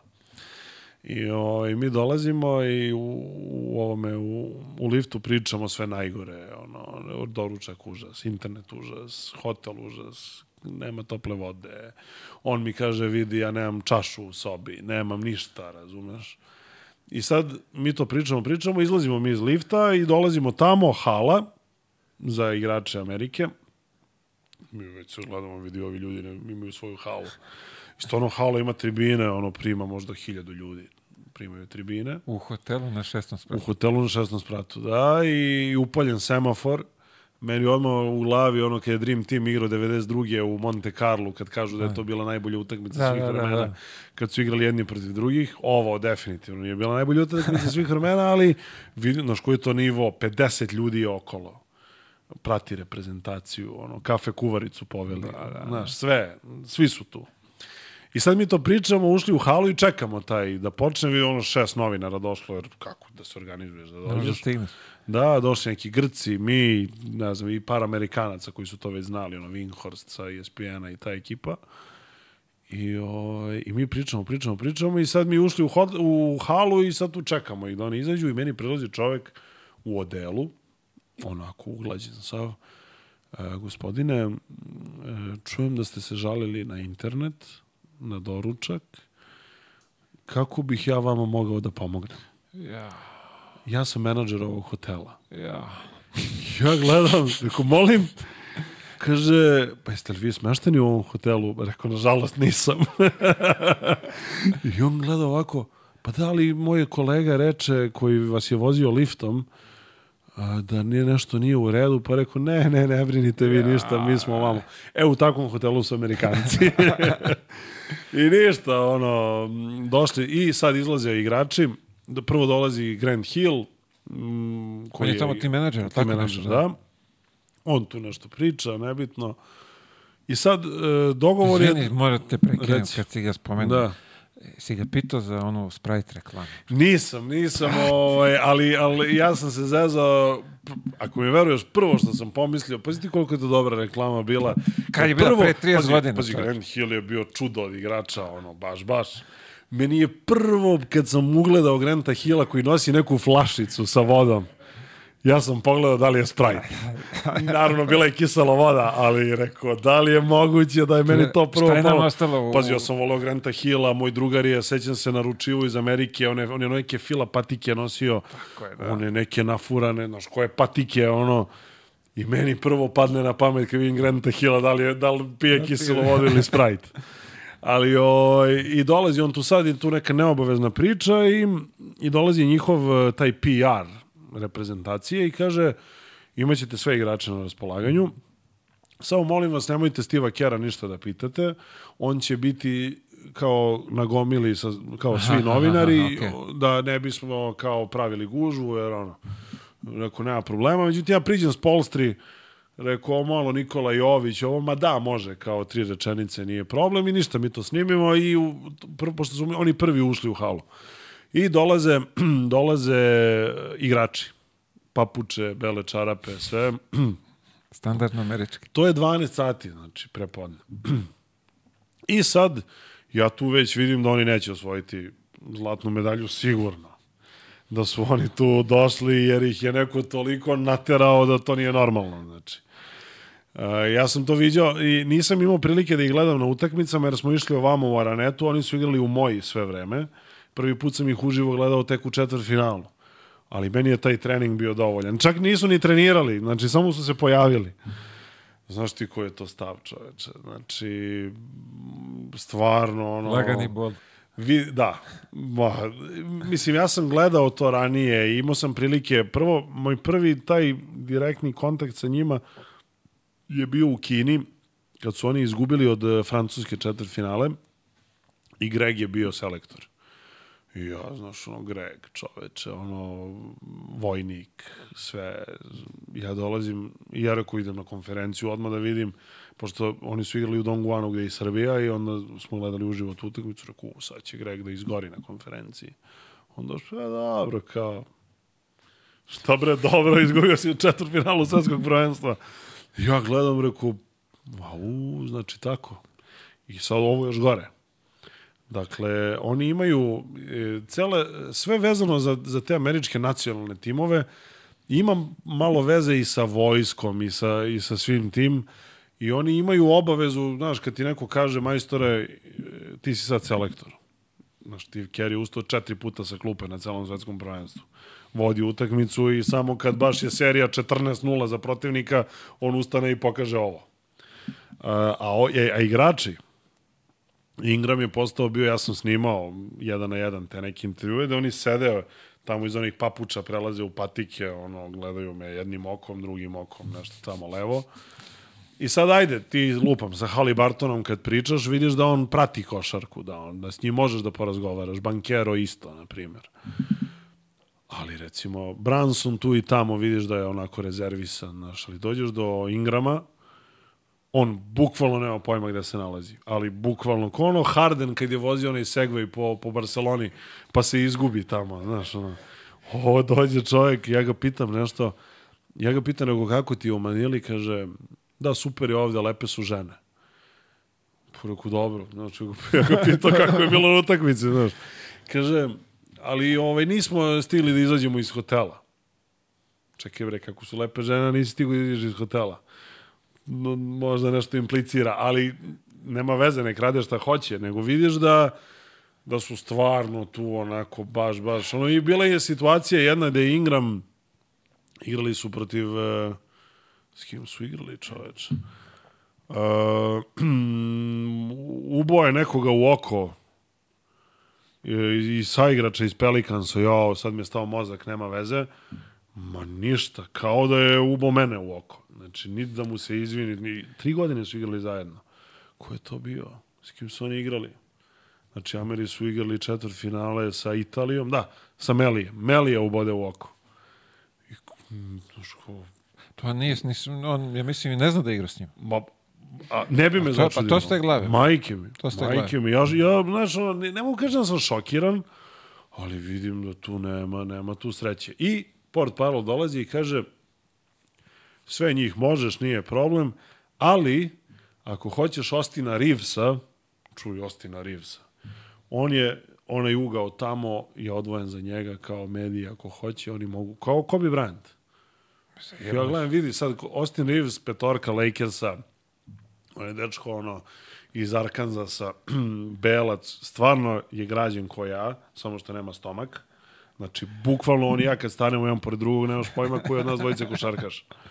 Ali stvarno, dečko je, i stvarno respekt za njega, on je onako, on je nedraftovan bio, odbio je neki poluugovor sa Detroitom da bi se oprobao u Lakersima, jer je navio za Lakerse kao klinac, potpisao je letos neki dobar ugovor sa Lakersima i petorka je, stvarno, i, ali on je onaj predstavnik e, tih ljudi koji kao mogu bih ja da igram u NBA-u. Što ako može, on mogu i ja. I on je apsolutno sve zaslužio što mu se dešava, ali sada dolazimo do toga da je Austin Reeves neverovatna zvezda američke reprezentacije, pa nemojmo preterivati, znaš. Pritom i to mi je zanimljivo, znači Ćošak je njegov tamo, Znaš ako kako ga, želite... e, prva zvezda Mundo basketa kod Filipinaca je bio Luka Dončić, druga zvezda, druga zvezda Austin Reeves. On kad primi loptu, to je haos. Znaš, on igra u petorci sa Lebronom. Znaš. Da, da, da, to je to. Bukvalno je, pa tako se to je i vezuje, tako gledaju. I onda, eto, i meni to bilo zanimljivo, rekao, da ja sad idem u Ćošak zbog Ostina Reevesa. Izvini, je on jedini belez bio u... u Bio je, bio je Walker Kessler, ovaj, jer je bio tu da popunjava broj, ovaj centar Jute. Pa je bio još neko, mislim da, da nije, da, ovi ostali. Bio je Kessler i, i, i to je to. Ovaj, To je to, re- da. ali kažem ti, ali ti vidiš tu ekipu, Znaš, tu na klupi sada ozbiljna imena. Steve Kerr, Erik Spolstra. Mislim, realno, dogurali smo dotle je najveća zvezda američke reprezentacije ipak selektor. Jer Steve Kerr je, znaš, ono, višestruki šampion sa Warriorsima, ta, ono, šampion sa Jordanom, kao igrač, sve, znaš, ono, neka priča. A ovde su sve neki igrači koji će možda u perspektivi biti top NBA igrači, ali trenutno su samo dobri NBA igrači. Znaš, Edwards, ti njega kad gledaš uživo, stvarno kad digne se onaj na skok šut, to je stvarno ozbiljna, ozbiljna priča, ali, znaš, na kraju četvrti. Ono. Pa, ovde smo baš, Savan je to lepo o, o, objasnio kao u fazonu Dream Team. Kao, ko či, čiji Dobro, Dream Savan, Team? Da, dobro, on Savan, je to ovako- pošto je taj Dream Team onoliko. Da, ali- ali o, o, hoću ti kažem da a, ti tamo kad gledaš NBA ligu, ti u svakom timu imaš jednu zvezdu. Pa da, i ovi, Ovi ostali, ostali su ti tu prosek, pa jest. običan. Ne, teš- Ja sam Pitanje da Ševlačeku da posle utakmice Kanada USA, složili smo se uglavnom, ovaj, ja sam mu rekao, rekao, vidi, ja volim da gledam NBA, ali posle ove utakmice mislim da ću ovaj gledati značajno manje. Jer Promenilo ono, se malo. stvarno, znaš, ono, još dođu, znaš, vidiš da ja sam bio ubeđen, to sam i u programu rekao u jednom trenutku, u nekom javljanju, u neki studiju, u vesti, ne znam, ni ja da će finale igrati Srbija-Nemačka. Kad su igrali Srbija-Kanada i, i uoči toga svega, sam rekao, vidite ljudi, ja zaista mislim da će Srbija-Nemačka igrati final. E, kao, vidi ga ovaj, kao, znaš. Jer gledao sam te Amerikance, vidim govor tela, vidim tu, tu nema strane pomoći, nema ničega. Oni igraju jedan na jedan sve, Bukvalno jedan ali što napad igraju jedan na jedan, oni su dovoljno talentovani, oni će stotku da ubace. A šta ćemo ovamo?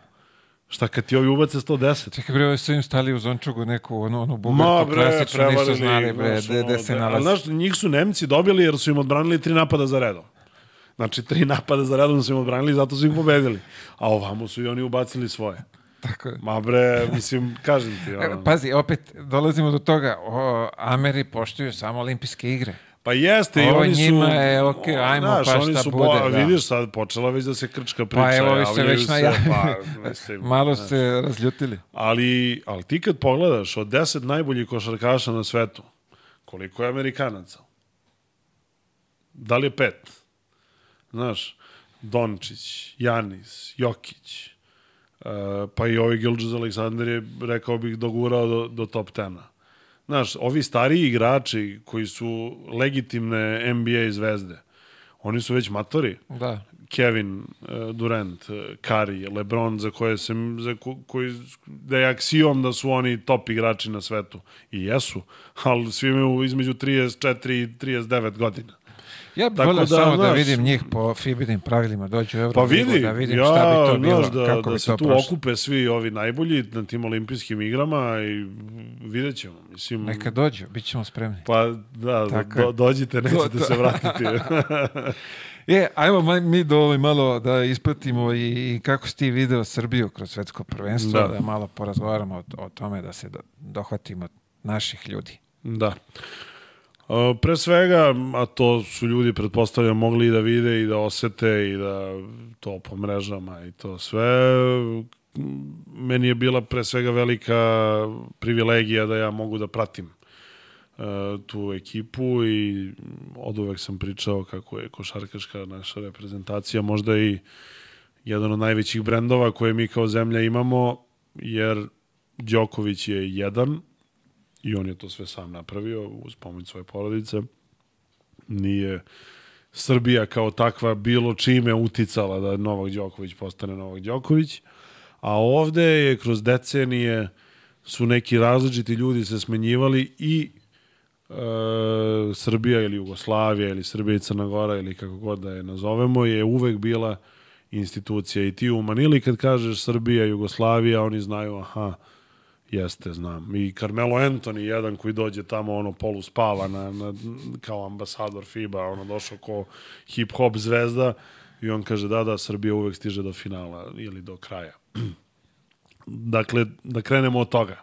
Dakle, mi smo nešto mnogo bitno i to smo još jednom potvrdili, iako nije bilo idealno. I meni je bilo zaista jako veliko zadovoljstvo i čast i za sada vrhunac moje karijere da to uopšte radim. A, nadao sam se da možemo nešto da napravimo i da ja mogu to da ispratim na svoj način, jer znam koliko sam emotivno kroz ceo život a, gledao reprezentaciju, čak sam često i pisao o tome, mislim 2002. kada mm, smo mi osvojili tu titulu u Indianapolisu, ja sam tad još bio srednjoškolac, moj najbolji drugi ja smo prvi uleteli u fontanu na na trgu Nikole Pašića. Ovaj, mislili smo da je dublja i da je toplija, pa su malo bolela kolena i bubrezi, ali, ali ovaj, preživeli smo i direktno smo iz toga išli u školu, boga me.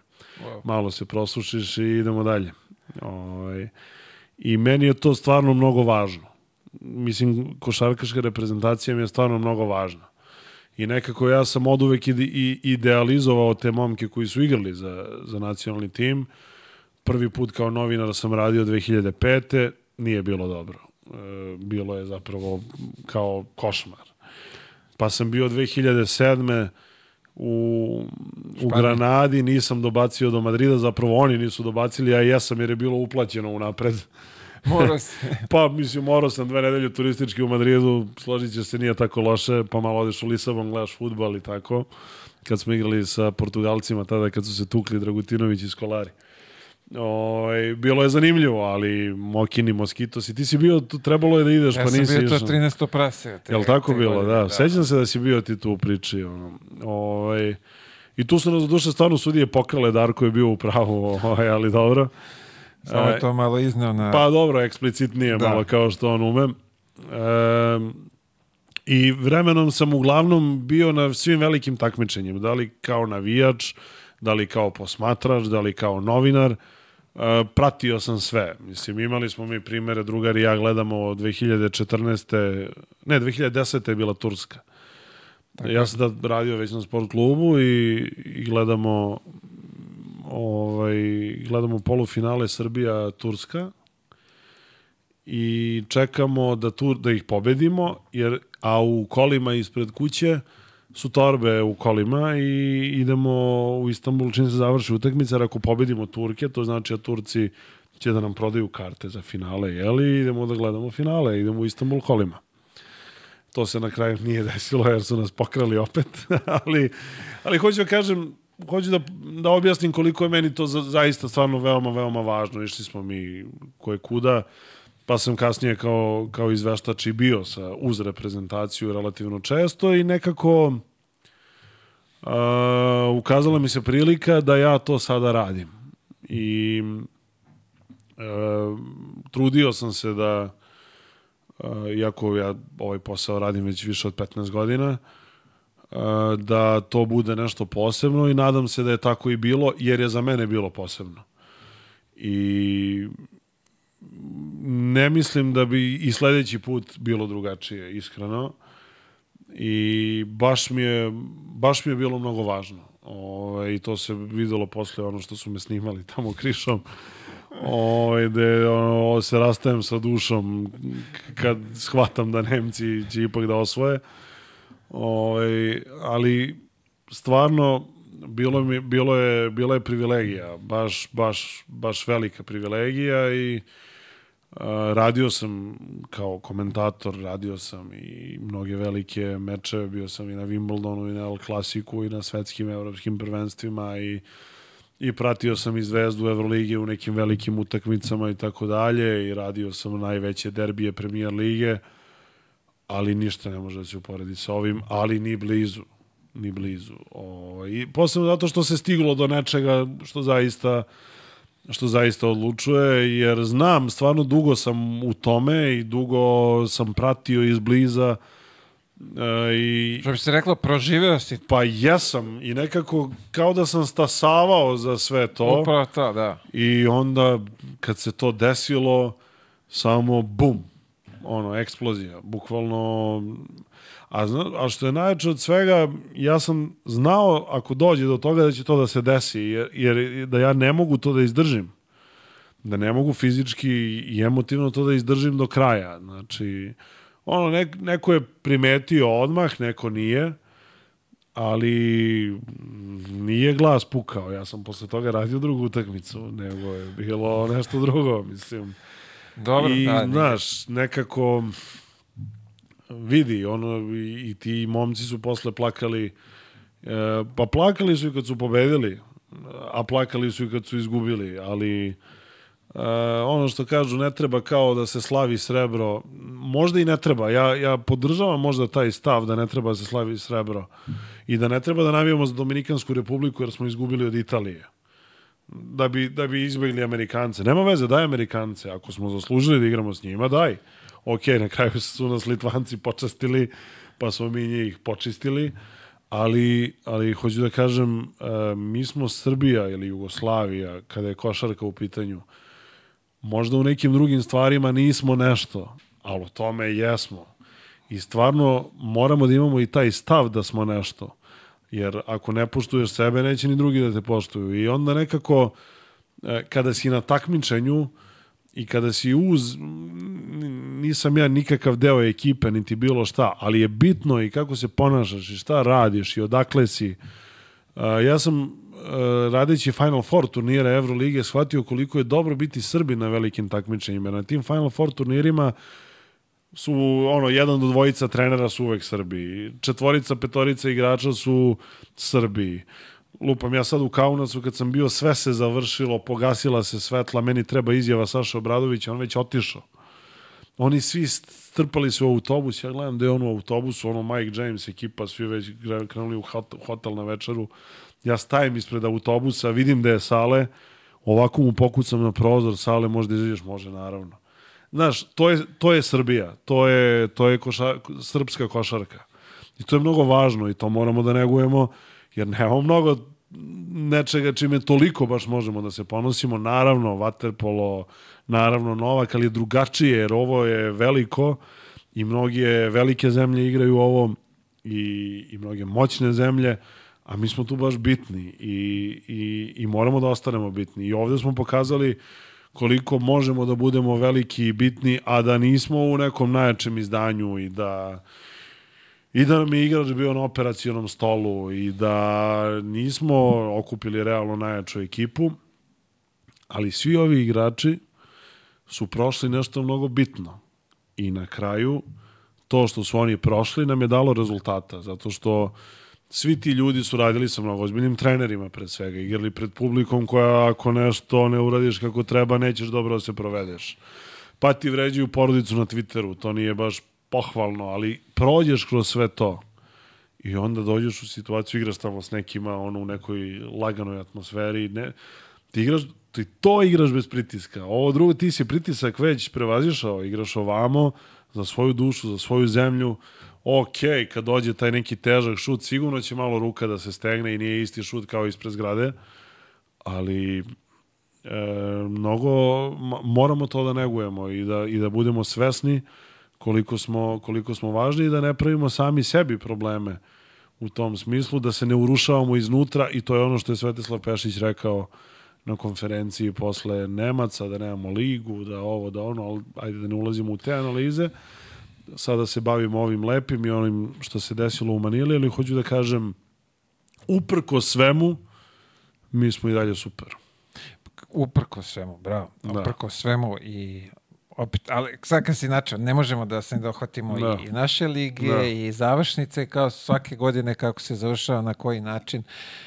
Uh, mi smo opet Pa jesmo, mada, znaš, e, to je malo, to je sve relativno. Recimo Litvanija koja je manja zemlja od, od e, Srbije, ali je zaista košarkaška zemlja i ti kao još u Litvaniju, ja sam bio, kad je bio Kauna sad Final Four, mi smo bili tamo i zadesili smo se u Viljnusu, kad je bilo polufinala Lige šampiona i to ono City Real, ono, ceo svet gleda. ono, to niko ne gleda tamo, znaš, vi seli, pošto smo čekali, koferi su nam se nešto izgubili i trifa kao, ajde, sednemo negde, ono, znaš, Niko bre to ne gleda. Mi popili pivo, čekali kofere, pogledali mi malu utakmicu i otišli, ali zato sutradan u Kaunasu mi nešto šetamo ulicom, igraju, igrao se četvrt finala recimo litvanskog prvenstva, igraju Ritas Jonava recimo. Ima video BIM da se gleda. Dakle, e, šta hoću da kažem, oni imaju ligu od, ako se ne varam, 12 timova. Ja kad sam bio, bilo je 10. Pa nebitno, Da. neke i 10, 12. Da, moguće sad nešto da se prošire. I, nama, kruga. I naše je primjereno da bude 10, 12, ne treba više. I ne može da bude više. A da valja. Ali treba da se napravi. Sad za to treba i da neko uloži pare u Nišu, da neko uloži, uloži pare u Novom Sadu. Ali koliko je para uloženo u Zvezdu i Partizan ovog, ovog leta? Mislim, I prošlog. a, a da, ali sad je još više i te pare, ajde da se mnogo ne lažemo, su državne. Mislim, Ja, ti, vidite, ne, ne kažem tom- da ne treba, ali, ali hoću da kažem, znaš, ti sad ako daš znaš, 10 miliona zvezdi partizanu, ja sad ne znam koje su tačne cifre, ali nisu ni mnogo manje, jer ovi igrači ne igraju za kikiriki i u zvezdi u partizanu koji su došli, to su mnogo ozbiljni igrači koji su prošli sve i svašta. E, da, da ne analiziramo ko igra za milion i po, a ko za milion i nebitno, sedamsto i poenta to. imamo, ali, ali da. ti, e, jedan klub u nekom Nišu ili gde god, u Subotici, šta god, on sa milion može igrati u ligu. Ne mora niko to da pokloni, može to da se upakuje, da, Može sve, ako hoće. ako se hoće. Da. Ako hoće, sve može. Ok, biće sigurno 3-4 kluba iz Beograda, od uvek su i bila. Da li je to Beo Banka, da li je Beo Petrol, da li je ovaj, da li, kako će, da li je FNB, kako će da se zove, uvek iz Beograda ima Zvezda i Partizan i još tu prateći, ali naš Vršac koji je bio mnogo zdrava priča, šta, nema ništa. Ne samo, nego navodim primer. Ovaj, tako da, Hemofarm je bio najzdraviji klub u, u zemlji. Svi su hteli da igraju tamo i, i delom i zbog toga što igraš bez pritiska, redovna plata, lepa hala, normalan grad, sve super, ono, bukvalno ko da igraš u Andaluziji.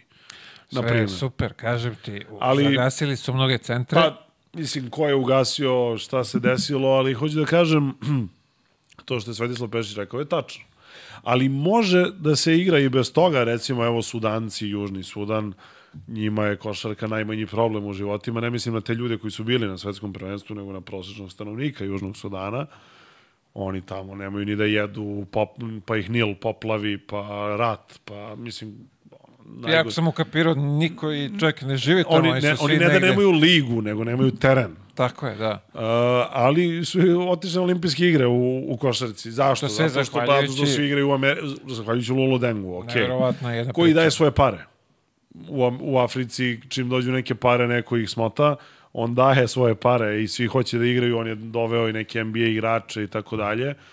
I to je okej, mislim, to je super, oni ne da, kažem, ne da nemaju ligu, nego nisu ni blizu, možda nikada neće ni imati, ali oni igraju dobru košarku jer su svi ti ljudi negde imaju neke južnosudanske krvi, neke skroz, neko, neko nema uopšte pa igra, ali može da se, može da se igra dobra reprezentativna košarka i bez lige. Ali mi zaista ne bi trebalo da se svrstavamo u taj red, jer mi Mi ne bi smo- trebali da budemo uopšte u priči o, o, o tako nečemu. Da. Posebno jer, da ne bude da sam ja sad ne znam kakav protivnik Jadranske lige, ali mi ne profitiramo iz nje nikako. Mislim, ok, Žalgiris će uglavnom osvojiti Litvansku ligu, jer su uglavnom bolji od ovih drugih timova. Međutim, mnogo znači kad igraš protiv Zvezde. ja mislim da su izgubili. Pa dobro, da. ali počelo da se dešava i da, i Tako da je. izgube, pa ih je Čanak bio pobedio pre dve, tri godine Tako na je. Svetu Belisom. Mislim, počelo je da se dešava i, i drugačije. Ali to može da počne da se dešava samo ako ti igraš na dnevnom nivou sa Zvezdom i sa Partizanom. Tako je. Ali eto, opet smo malo ovaj, zašli u neke uličice, ovaj, ali, ali, je, ali je tako, zaista je tako i e, mi i dalje znamo da igramo košarku i dalje imamo trenere koji znaju da naprave igrače, ali moramo da se ozbiljimo. Ali imamo i jedno 4 miliona selektora. To je tačno, da, ovaj, to jeste tačno, ali to ponekad, znaš, malo sam razmišljao o tome, to ponekad nije ni loše. Jer, naravno, treba, e, treba to upakovati u neke normalne m, ovaj, forme, ne treba biti psihopata i vređati i to, a na društvenim mrežama je to sada omogućeno i vrlo je lako i selekcija ni ne postoji.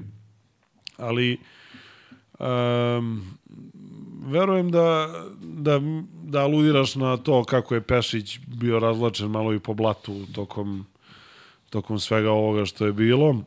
E, znaš kako? E,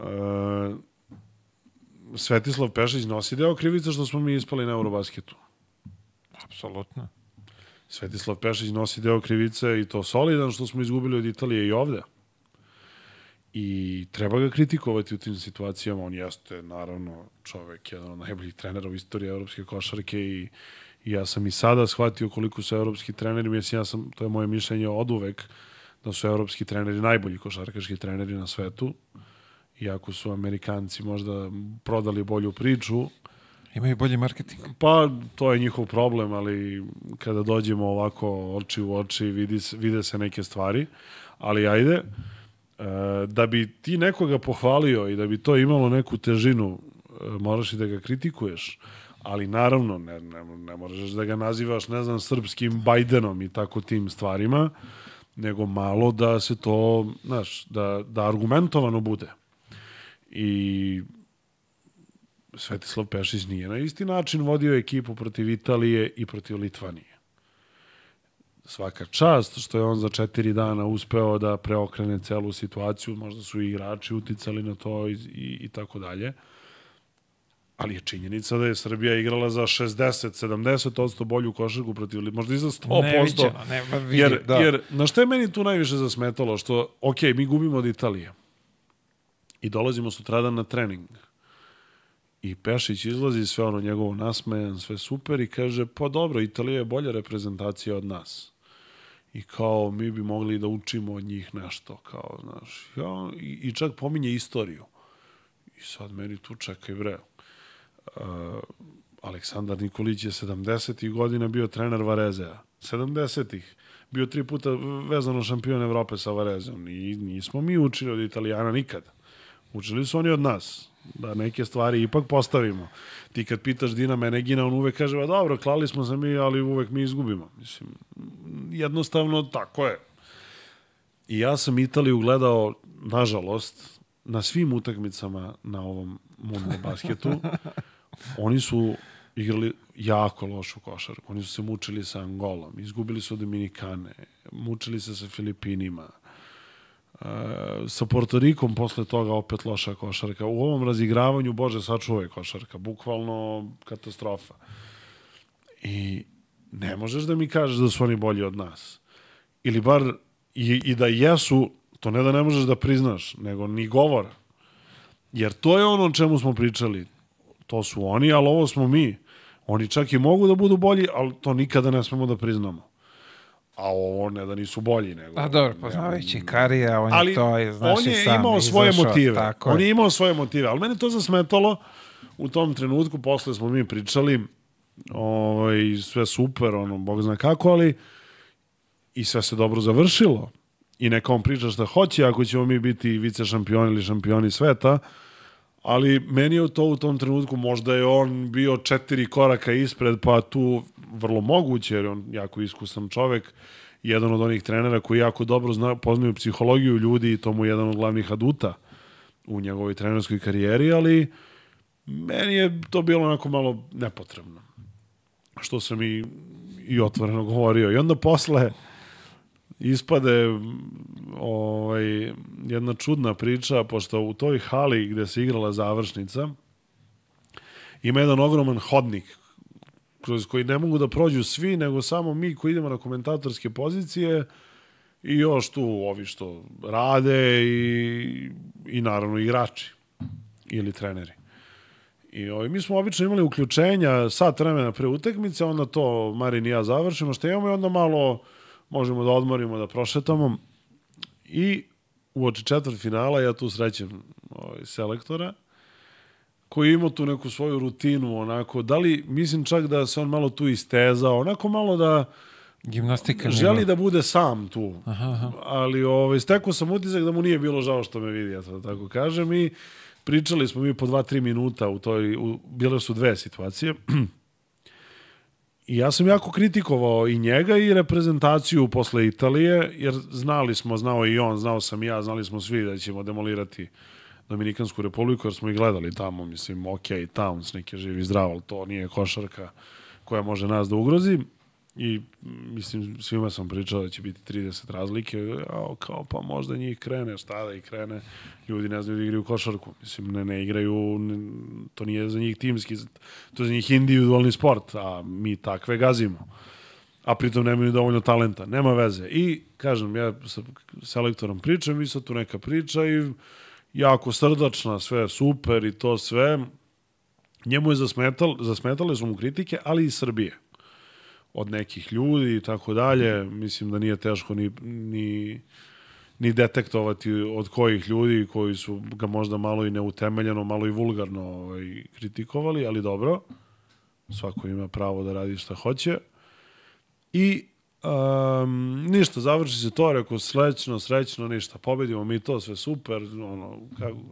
I u oči polufinala isto. I, a ja stvarno, mislim, nisam išao tuda da bi ja sad njega nešto uhodio, nisam ni znao, nisam, ja nisam ni znao da on može da dođe dotle uopšte i šta, znaš. Isto se desi u oči polufinala, ista priča, isti razgovor i sve, Bog zna kako isto šamaranje. I oči finala se nismo našli. Ovaj, I eto, kako se to završilo. Ovaj, I onda posle u avionu, nisam ja, selektor je bio tamo odvojen, ali pričao je sa Marinom, kaže, gde je Plavšić oči finala? Nismo se videli. I eto, izgubili smo finale. Mislim, ja ne verujem u te stvari i u te ovaj, vrađbine i u Da, da, te da, da. rutine, Ali ali, svakako zanimljivo, ali zanimljiv eto, detalj. desilo se, desilo se tako. Ali hoću da kažem, um, vrlo moguće da, da Svetislav Pešić um, više ne može da bude na istim talasnim dužinama, jer je on dva i po puta stariji od igrača koje trenira i da oni nisu bili ni rođeni kada je on već bio šampion sveta i Evrope i tako dalje. Ali da je napravio ovde rezultat jeste i da je i njegov doprinos veliki naravno da jeste. Kako će to izgledati u perspektivi šta će biti ne znam ali čovjek je odradio posao mislim do, rekao je olimpijske igre e, težak zadatak s obzirom na, na okolnosti i na slabiji sastav koji smo imali i na to da je ono osam reprezentacija iz Evrope jurilo to i to mnogo ozbiljnih reprezentacija a mi odosmo, oni ne odoše uglavnom. Tako da, znaš, a, na kraju ko je kako igrao, šta se dešavalo kada dođe rezultat.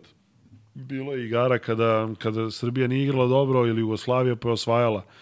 I moje mišljenje, recimo ja kada sam 2002. gledao taj Indianapolis, ono pijan na ulici sa drugarima, mene nije zanimalo kako mi igramo košarku. Meni je bilo bitno da Gurović zvekne onu trojku preko ruke koja je nerazonska skroz.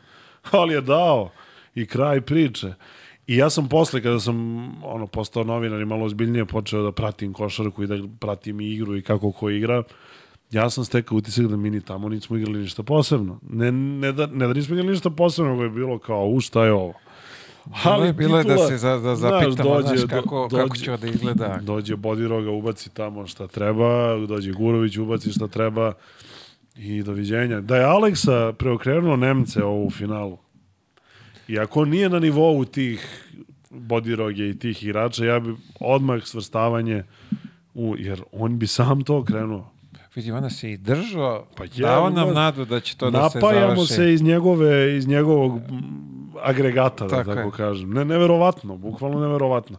I nije ni čudo što je sad postao ono, naj, ono, omiljeni sportista Zaslužno, u Srbiji. zaslužno. Zaslužni građanin, ali stvarno šta je radio dečko, to je...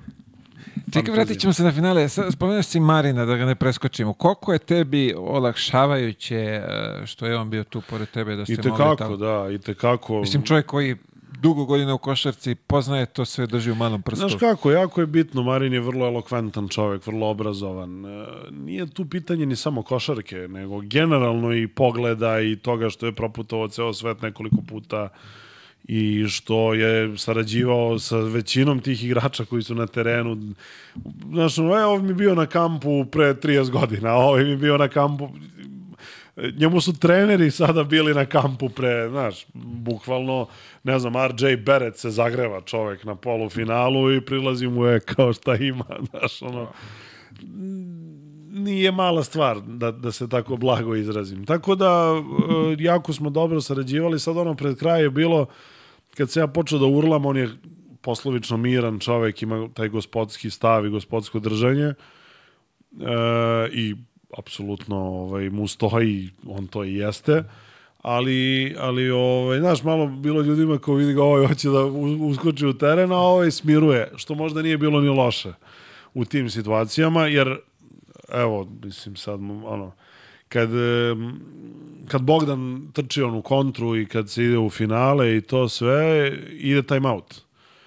I sad, kada Bogdan to radi, ja plačem. Znači, kada on polaže loptu, ja počinjem da plačem. I kada se to završilo, to kad sam nekako dovršio te dve rečenice, idemo na time out, ja ne mogu da se smirim. I vraćamo se, ostalo su još dva i po minuta do kraja utakmice. I kada smo se uključili, ja sam samo rekao, Marine, i isključio se. I on je tu nešto malo pričao, dok ja još malo dođem sebi. I onda je bilo ono, ne znam, Bogdanović, Avramović, znaš, ono, daj samo da se ova utakmica završi, ne mogu. Znaš, glupo je, ajde, malo se, znaš, da ne mogu sad da cmizdrim u, u prenosu, ajde, znaš, ima emocija, sve to lepo, ali daj čoveče završi prenos, znaš. I dobro, malo sam se ja tu smirio i i uspeo da privedem kraju, ali, ali znači kad je neko i tako iskusan i tako smiren, sad njemu je ovo svetsko, ne znam ko je po redu, ono, Da, u, ne, raznoraznim, smo, u raznoraznim svojstvima. Znaš. Tako, tako. Ne, negdje smo bili zajedno, pa je rekao Ma, neku ma kažem brojku. ti, da, bukvalno, ono, znaš, svi ga znaju, sve, on čovek je čovek košarka i jedan pravi onako amba, košarkaški ambasador u pravom smislu reči i onda uh, mnogo, mnogo je značilo, posebno uh, u tim kriznim momentima, da tako kažem, ali naravno ne samo tada, nego generalno, mislim da smo se dobro i dopunjavali, da, da su ljudi to prepoznali uh, i mislim ja njemu sam to rekao tada i meni je to mnogo značilo. Moja prva košarkaška utakmica koju sam komentarisao u životu, kada sam počeo tek da radim na sport klubu, meni su davali tu sve i svašta. Ja sam se tu pojavio kao pratim sport, volim sport, volim sve, ali e, težio sam i insistirao da mi daju košarku, ali tad, tad su bila, bio sport klub 1, sport klub 2 i nije bilo mnogo košarke uopšte da se emituje, a bilo je već ljudi koji su to radili i, i došlo je jednom u trenutku da ja radim tad smo imali ACB ligu, imat ćemo je sad opet. Um, KH Sol Sevilla, lokalni derbi. Ovaj, ne, Unikaha KH Sol zapravo. I ja sam, dobio sam tu utakmicu, on je termin u 12. I radio ja utakmicu, sve super, ja se spremio, ono, sve gori i prin, ta utakmica će ostati upamćena po jako teškoj povredi Printezisa, koji je te sezone igrao za Unikahu, išao je u kontru, zakucao, pao sa obruča, mislim da je ključnu kost bio slomio, bila katastrofa, ono, ušla nosila, 45 minuta pauze, baš je bilo ono, vanredno.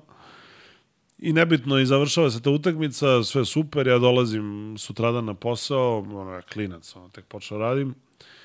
I Ilija Kovačić dolazi i kaže, imaš pozdrave. I ja rekao, kaže, gledali, ima ljudi koji su gledali utakmicu, pozdravite Marin Sedlaček.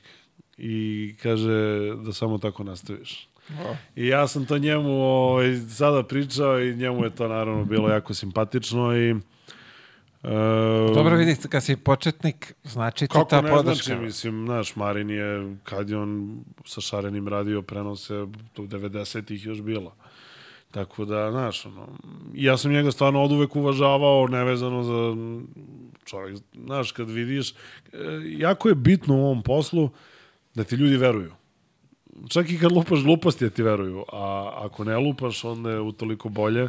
A ima, ima, ima, ima i kad ti veruju, a lupaš gluposti. Dešava se i to, ali to je neki poseban nivo. Ali ovaj, jako je bitno da ti veruju i mm, ja sam stekao utisak, znaš, ljudi ovde gledaju kao vidi ove urla, kao, znaš, zanimljiv je, ono, ali je jako bitno i ono što je pre urlanja, između urlanja i mislim da tako privučeš ljude, a urlanje je samo ono još dodatno, dodatni kuriozitet kada dođe do toga, ali, ali ovo nije bilo ono, ima i, i komentatori, posebno možda u Americi, to ima tu dosta izveštačenog tog glumatanja. Da, da, da. Ovde nije bilo glumatanja, zaista.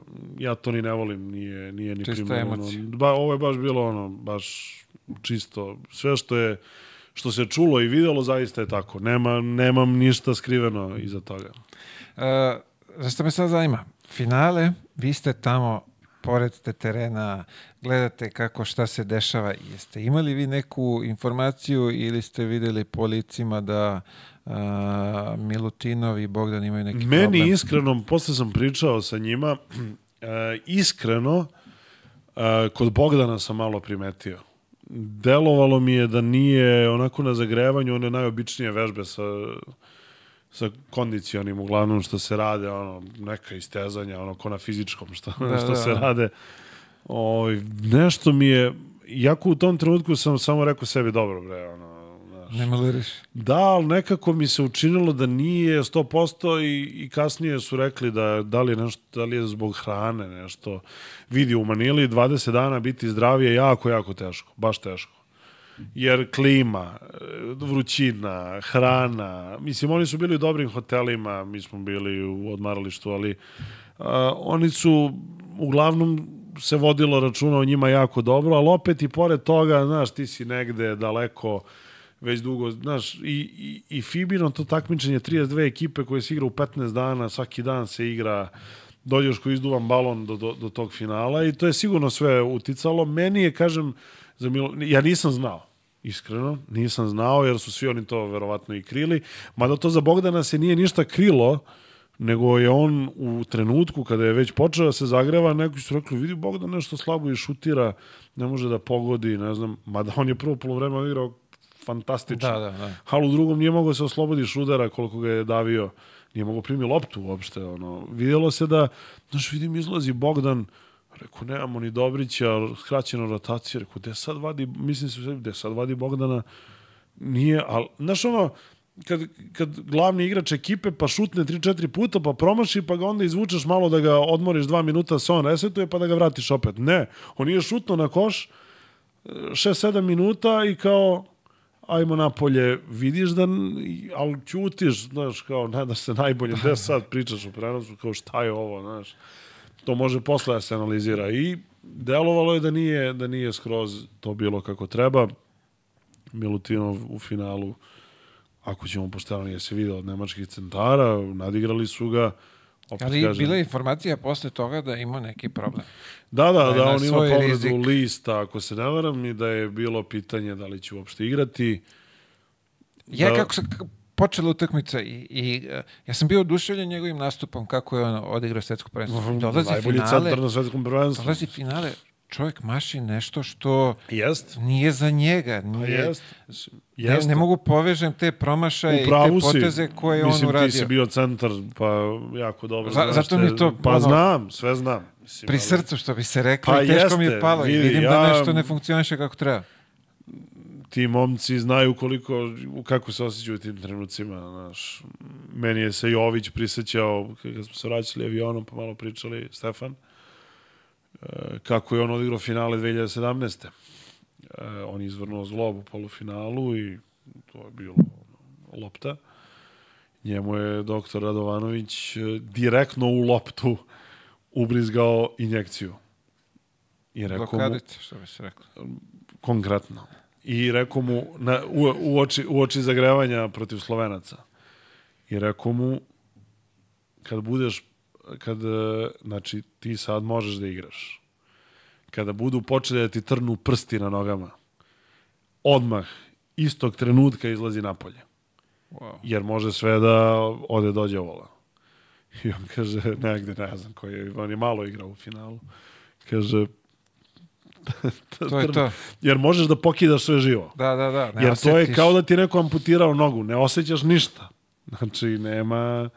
Tako da, da ljudi znaju koji je to red veličina. Znaš, kao vidi ga, ovaj neće da igra. Kao, igra, igra finale i sad kao neće. Ili Dobrić što se povredio. Da. I kako je stanje sa njim? Pa nje, on je, e, nisu, ja, dok mi sad ovo radimo, ja ne znam, oni trebalo je da mu rade magnet po dolasku u Beograd, verovatno su odradili. Um, ja, kada smo ulazili u avion, njegova ta noga je duplo deblja od ove druge bila. Da. Mislim, ja znam jako dobro Ognjena Dobrića, on bi dao apsolutno sve što može Ma da je mogao, ne- ne- da je mogao da odigra da. to finale. Koja god blokada i šta god može da se ubrizga, ubrizgao je Ne, da ono je baš izgledalo užasno odvratno, izgledalo da. i videlo se odmah da od toga nema ništa i nažalost to nas je, mislim, to je igrač iz petorke. Povre, e, igrač koji je mnogo bitan i, znaš, ono, nije Dobrić, onaj, ne znam, lupan kod J.C. Carroll, pa to je taj tip igrača, pa će da pet trojki i samo to radi. Ovde on čuva protivničke playmakere, njima su bekovi glavni igrači, znači Wagner i, i Šuder su glavni igrači. Drugo, napadački učinak njegov je bio jako dobar na ovom turniru. Treći je Dobrić se ne plaši ničega, on obožava takve utakmice, ono, znaš i sam kako ide u, uvek u meso direktno. Takav igrač ti baš treba. Ne, i čak i da je mnogo gori igrač od svega navedenog, a iz rotacije ti je... Fali, fali Pa rotacija. to mora neko da zakrpi, mora tri igrača da zakrpi po 7-8 Pri minuta. tome, ima, I ovako smo sa 11 E, i igrača. ovako smo kratki. I Da. onda, a drugo, ti si nešto napravio, neki plan. Taj plan više nema. Ulazi Vanja, pa, mislim, Vanja igra odlično, ali hoću ti kažem, znaš, mislim, znaš, svi to znaju, nema, ne treba biti mnogo pametan. Jasno je da, da, je, da nas je to baš ozbiljno poremetilo. Pa to sa Bogdanom, pa Milutinom. Sad, čak i da su oni skroz zdravi, vidiš da... Znaš kako, mi smo protiv Litvanije i protiv Kanade odigrali, e, znaš kako se ja to video, protiv Italije smo odigrali katastrofa. Nismo odigrali pet napada kako treba. Na, pet na pet. Ono što smo iz tranzicije davali svaka čast, pretrčavali smo ih na odbranu i to, ali pet na pet kad se igra, ja sam bio, gledam, rekao, mi nemamo nikakvu igru. Nemamo igru pet na pet nikakvu. Nemamo rešenja, nemamo... Znaš, ono, Milutinov je stvarno očigledna, ne može budeš košarkaški trener da vidiš da je Milutinov u prednosti protiv Melija i Polonare. I pri tome ne koristiš. Aj ništa, ne igraš pick and roll centralni, ne igraš dole niski post. Znaš, kao, probaš jednom, dva put, to ne prođe i kao, je, znaš, kao, šta ćemo sad? Bio je problem tu i baš loše. I nekako, kao, ova ekipa, šta rade ovi ljudi? Znaš, sve naopako. I Bogdanu su mnogi zamerili pardon, Bogdanu su mnogi zamerili Italiju. Ja mu uopšte nisam zamerio Italiju, ja sam mu zamerio Porto Riko drugo polovreme jer je bio nervozan i uopšte nije e, insistirao je da se razigra. A ono 30 razlike sve jedno, znaš, ali on tad baš bio zapeo i tu je igrao iracionalno. Međutim, protiv Italije on nije forsirao, nego nije bilo ničega drugog. I daj kao, znaš, Bogdan može jedan na jedan da igra i može da šutne iz bilo koje pozicije. Pa, znaš, kao bolje onda igra jedan na jedan nego neko drugi. I ispromašivao se, ok, ali n- mislim da on nije bio uzrok, on je bio posledica. Znači, nema igre, daj da probam. Nije, Mislim, on je šuter, on mora da... pa nego šta će, ko će, Ko će? znaš. I, I meni je to bilo okej, naravno, kritike i to sve, jedan od 13 trojke, Bogdan, on dao naj, najtežu trojku je dao, on je lakše je promašio, ali onda protiv, dakle, suština ove priče, protiv Italije je sve naopako.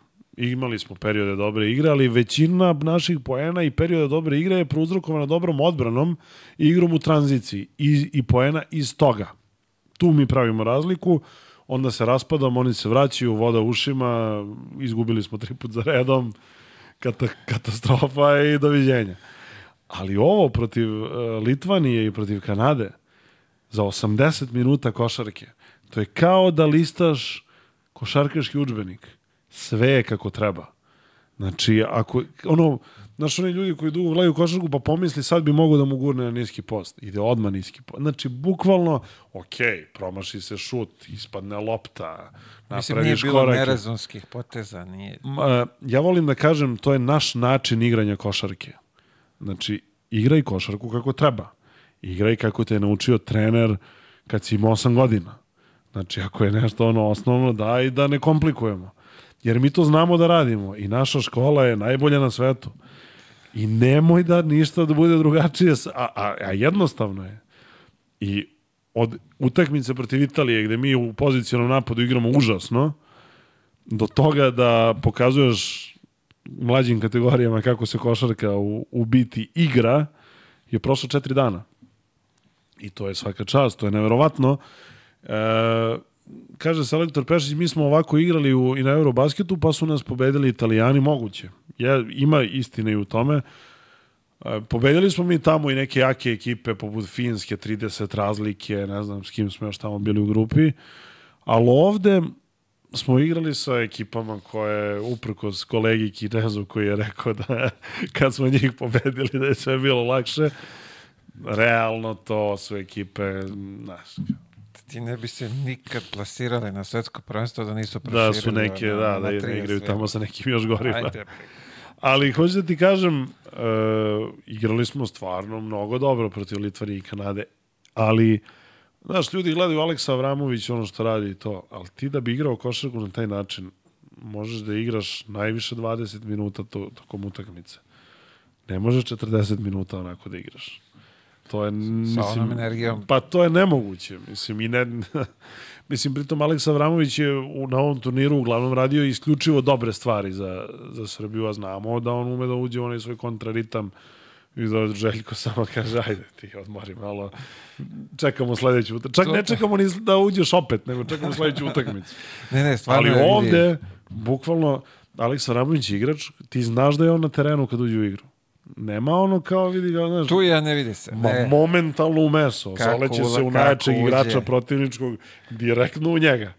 Znači, nema... E, to smo mi radili protiv Litvanije, meni se to mnogo svidelo i to je bila košarka na naš način. Jel Valančiunas najbolji tamo? Ok, gurni loptu na Milutinova, da li da vidimo malo, da, da ga probamo, što se kaže. Prvi napad, promaši Milutinova, ali uhvati ofenzivni skok, koš. Drugi napad, op, poluhoro, koš. Znaš, loše smo igrali odbranu, oni su nas napunili trojkama, međutim, to je taj, mnogo je bitno, mnogo je bitan način. Nije uvek bitno samo da, po, da pobediš, nego posebno kada je naša košarka u pitanju, jer mi to znamo i nema, nema potrebe da prepisujemo. Na, na treninzima naše reprezentacije od, od, od četvrtfinala pa nadalje, 50 plus novinara kada se otvori. Znači, ajde, odbiješ 25-30 srpskih, ali došlo ih još 20-25 stranaca. Svetislav Pešić na jednoj konferenciji na četiri različita jezika davo izjave. Znaš kako? Znaš kako ja to kažem? Propovedali smo košarku na, na svim jezicima. Sve mi to, znaš, sve mi to znamo i nema potrebe da mi nešto izmišljamo. Jer mi to znamo. Samo ajde kako treba. Da, da. Ok, nekad nema dovoljno talenta, nekad se promašuje, nekad je nervoza, nekad je loša atmosfera, mrziš sa igrača, nećeš da mu dodaš, bilo je i toga. Bilo je. Ali sad nije tako, sad, znaš, ovi momci, malo se to i promenilo. Mislim, ono ranije, ja se sećam, pa i u Kini kad smo bili, ono, ispadnemo od Argentine i u narednih sat vremena dobijem 10 poruka kao ko ne priča sa kim, kao ko se svađa sa, znaš. Jer mi podrazumevamo da ako smo ti i ja dobri i znamo da igramo košarku, da ćemo mi sigurno da osvojimo zlatnu medalju. Znaš, ne, Vidi, mi uvek pucamo na zlato. pa i treba. I Jer treba. to smo, što bi rekao, ovaj, I ovaj- Kari ovde kad je bio, mnogo se puvamo I Pa uvek puvamo se, na- na ali veliko. vidi, u čemu ćemo da se puvamo ako nećemo u košarci? Jel? Pa bolje nego u futbolu. De, tamo, tamo se više i ne puvamo, ali, ali ovaj, znaš, ja ne podržavam balkon za srebro, ali onaj balkon koji je bio sada je imao vi, možda skoro najviše smisla od Atine, 95.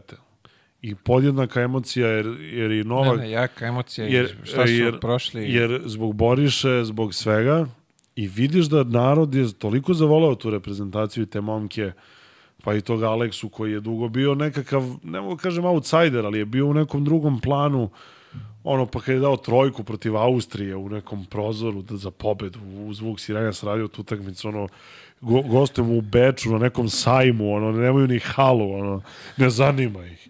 I mi igramo egal sa Austrijancima i dođe Aleksa zoom trojka za pobedu u Beču. Znaš, i od tada je prošlo 6-7 godina i on je postao evroligaški igrač i apsolutno ono, igrač koji zaslužuje da bude tu gde se nalazi, ali nisu ga opet ljudi dovoljno znali. I ovde sada Sad je ono, eksplodirao. la, lansirao, Lansirao se, se u, u- u ali da, Zvezdi. da se vratim na ovaj doček, nije nevažno. E, vidiš koliko je momcima to značilo i sad mi to gledamo kroz medalje. I mnogi gledaju kao ja, ti dočeci, politički poeni, ne znam, ovo, ono, kao koliko smo mi bedna zemlja, šta nas radi, ono, ono Nemci nisu ni znali da su osvojili titulu prvaka sveta u košarci i to. I znaš kako, to je donekle i tačno, ali da bi u perspektivi deca igrala košarku i da bi poželjela da odu na prvi košarkaški trening, to mora da postoji. Ne sam doček možda, nego sama ta popularizacija, jer evo ja gledam sebe, ja, ja sam, ljudi su imali prilike da vide uglavnom taj, to moje praćenje utakmica, tamo kako ja tamo doživljavam nervne slomove. E, ja sam jedini komentator koji je tako to radio, ali ne zato što sam ja sad čudo prirode, nego je nama to mnogo važno. I važnije nego bilo kome drugom. I to sam 100% siguran. I bilo je Litvanaca mnogo i blizu je bio i kolega iz Litvanije, oni obožavaju košarku i sve bi dali da su oni nas pobedili tamo i tako dalje. Ali niko to toliko emotivno doživljava kao mi. Ja sam, ja sam to gledao sad iz svog ugla, ali nisam ja jedini. Pričam sa ljudima, znam kako gledaju utakmice i koliko je i koliko ih preživljavaju. I ovaj balkon je bio još sa Novakom Novak se nikada nije toliko rasplakao. Možda kad je Melbourne osvojio uh, sad ovo, kad se vratio, pa mm, ono, kao izgranik i povratnik, uh, ali ovo su druge možda, ili bar podjednake suze kao te iz Melbournea. E, do, dobrim delom su prouzrokovane time što mm, su košarka, što je bio okružen košarkašima i što on iskreno zna koliko koliko im i on daje podršku i koliko oni njemu daju podršku i taj Novak je odrastao gledajući košarkaške uspehe. Nije odrastao gledajući teniske uspehe uz dužno poštovanje ostalih tenisera, tih pre, Novakovih preteča, da tako kažem, I sve to izbilo iz njega. I Novak je navikao da ga 20.000 ljudi, ne mogu da kažem mrzi, ali da navija protiv njega. E ovde je bilo 20.000 ljudi koji su svi njegovi. I to kad je Novak počeo da plače, Da, da, da, bilo je. i, znaš, baš je bilo, uf, jer on je od ta 24 Grand Slema koliko je osvojio na 20, ja sam bio na Wimbledonu 2014 kad je igrao finale sa Federerom. Mnogi teniski analitičari smatraju da je to najbitniji Novakov meč u karijeri, zato što je tada pobedio Federer na Wimbledonu u situaciji gde je ovaj bio na, tad u nekom naponu i to sve. Ja sam sticam okolnosti te godine radio Wimbledon, nebitno, malo smo odlutali od košarke, ali nije, nije nebitno za suštinu. E, na tom centralnom terenu, kad se igralo finale, mislim, ne može tenis, bar mene, da, da te radi kao košarka, jer em, drugačija je energija, drugačiji je sport jednostavno. Ja sam tamo hteo za tih tri sata Novak je, hvala Bogu, pobedio. Hteo da iskučim iz svoje kože, bukvalno. Jer ta količina provo, provokacija, mržnje, navijanja za protivnika, e, ono, on se sprema da servira, oni nešto tamo kašlju i te fore. Napiju se i oni tamo, znaš, pa bude... A Englesi. Ma da, mislim, kao gospoda. Stok. Kao, kao gospoda. Vole da misle da su Ali gospoda. više, ti, ti si bio tu uživo i, imaš bolji uh, uvid u to šta se dešava nego mi na TV-u. Pa jeste, mislim, dosta je bitno jer prenosi se, to je interakcija. Meni se dešavalo jer ja sedim, znači ja sam ovde, teren je ne baš da si ti, ali ne, ni- ne, ne ni predaleko. Znaš, desi se, završava se utakmica, Jović izmena, sedne na klupu i, znaš, ono, gleda čovek u daljinu, uhvati moj pogled, uhvati mene i, znaš, kao, a, idemo, znaš, kao. I to je, znaš, ja, znaš sve te ljude, dugo ih pratiš. Znaš, ja sam o Bogdanu pisao i knjigu, između ostalog, o tim našim igračima koji su, do, znaš, znam sve o njima, znam kako su prošli, šta su prošli, znam kako razmišljaju, za većinu njih, kažem, aj ne baš za sve, ali i nekako drago ti bude, znaš, baš je, mnogo je lepo kad se to Kako dešava da ne bude, bre. ono i želiš, želiš zbog njih, ajde, želiš i zbog sebe, prešao si pola sveta, radiš 15 godina, tako nešto. Važno je i tebi da oni budu dobri, ali pre svega nekako kao jao i kad bi sad ubacio, znaš, ono. Znaš, kad smo se leteli nazad avionom, ono, i svi smo išli zajedno i sad dolazimo na taj aerodrom, na tu pistu gde, gde je ta, ovaj, gde nas čeka Pupin i i srećem Gudurića i on onako pozdravljamo se i on kao polu sleže ramenima kao a rekao, brate, vidi znaš, to je meni ko moj, ja želim da taj šut uđe ko moj rođeni brat da šutira. Znači, ovaj, tuga je srazmerna radosti koju bi, koju bi proizveo da si pogodio. Pa zna ja, ja sam video da ona ulazi, pa rekao, "M, meni, ako uopšte imaš potrebu da se bilo kome pravdaš, a nema, a nemoj, meni ne moraš. Znači, stvarno, šta da radimo? A, bre.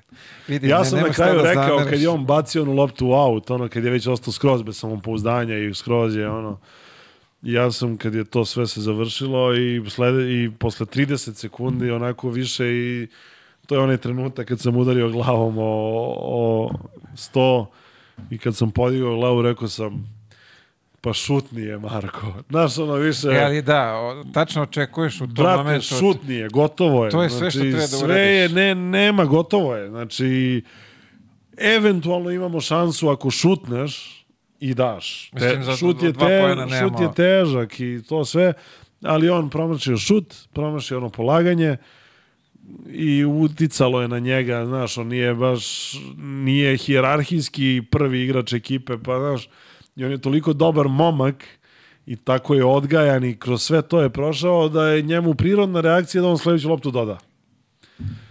A nemoj da je dodaš, gotovo je. Znači, nema, i, i da ta lopta dođe do Milutinova i da on da koš, rezonski je da opet šutneš. Šutni trojku, Pripali, brate, sa 8 brate, metara, mili. pa, znaš, možda, smo posle. možda uđe, gotovo je, znaš, ono, već smo udarili glavom u sto. Znaš, E, vidio, približili smo se kraju. A, ajde ovako, imaš neku anegdotu iz aviona? 13 sati, koliko si rekao, 14 Da. let? Bilo nešto pa, zanimljivo? mm, bilo je, ali bilo bi glupo. Nije za, za o ok, tome. poštujem. Ne, Ja. vidi, mislim, nije bilo ništa da kažeš ono skandalozno. Ne, ne, ne, ne Meni je jurimo bilo emotivno priče. jako kad je Boriša krenuo ovaj, da, da se javi sa igračima, da oni tu malo provedu vremena kad je usledio jedan spontani aplauz. To je bila definicija možda i najbolja definicija svega što se dešavalo u prethodnih 20 dana, jer Boriša je od tog zadnjeg dela do prednjeg dela morao da prođe taj srednji deo, gde je bio stručni štab, novinari i to, i on kako je prolazio, svi su se onako, vidiš ide Boriša, i svi se, pošto već se poletelo, jelo se, znači dva, tri sata se već leti, I ono, ljudi su se malo i opustili, jer tu nema ni mesta, nisu sad nešto numerisana, svi su pustili, bukvalno kao na ekskurziji. Znaš, ono, kad si u zadnjem delu autobusa, to, to, ono, pa znaš, kreće žurka. pa kreće zezanje. I onako malo su ljudi, jednostavno, dosta im je manile i ono svega, naporno se radilo, znaš, i, i igrači, i novinari, svima je bilo naporno, je, bilo je prelepo, da se razumemo, ali je bilo i naporno. I onda već tu avionu, ne, znaš, ono, malo, počinje malo i da se popije nešto i malo, stvarno su ljudi opustili. I prolazi Boriša i Muk. Onako su, i, znaš, malo ljudi ne znaju kako da se ponašaju. Oni su očekivali, jo, pa oni su rekli da je on tamo leži, da li on, znaš, kako, znaš, i, i Muk. I svi se ovako gledaju i gledaju se jedno 5, 6, 7 sekundi i onda je neko krenuo i stvarno, znaš, Ne, že- baš je, baš je bilo jako lepo pre svega. A onda posle, ono, Bogdan je imao neki zvučnik, Maršalov, neki, ono, Bluetooth zvučnik, koji je bio suvo zlato u avionu. Znači, pošto je avion dovoljno veliki, onda jedno vreme se slušao na ovom ekskurzijskom delu aviona, gde su braća Milutinov bili ovaj, DJ-evi, DJ-evi. ovaj, a, a onda se prešlo tamo napred, gde je glavni bio ovaj, DJ um, tu je glavno pitanje, pošto interneta nema u avionu, Ko šta ima na telefonu? ko šta ima u telefonu, ispostavit će se da Karijev pomoćnik Oliver Kostić ovaj, da je da je vrlo ovaj, Spreman krenuo spre, na pot. i tekako i, i meni se jako svidio repertoar baš je bilo onako lepo i, Za dušu, što i, bi i, stručni štab je baš, baš se pokazao u tom delu ono ovaj baš Marinović, Stojaković, e, Kosović, Oliver Kostić, baš su ono jer ruku na srce nj- njima je možda i, i, i najteže na takvim takmičenjima jer oni nisu igrači ne prazne se u tom delu, ne spavaš noću, skautinzi, sve živo tu ima posle da tu je posao katastrofa i, i nekako videlo se da je i njima ono pao kamen sa srca, ali kažem, bilo je mnogo onako lepo je bilo. Svi smo se vraćali zajedno sa nekog zadatka e, i, i videlo se da je tuga zbog poraza počela malo da popušta i da su da je počelo da je zamenjuje ponos koji je prvo osjećanje koje bi trebalo da se desi kada se pomene Manila ikada u istoriji naše košarke i ne samo zbog 78. nego boga mi zbog 2023.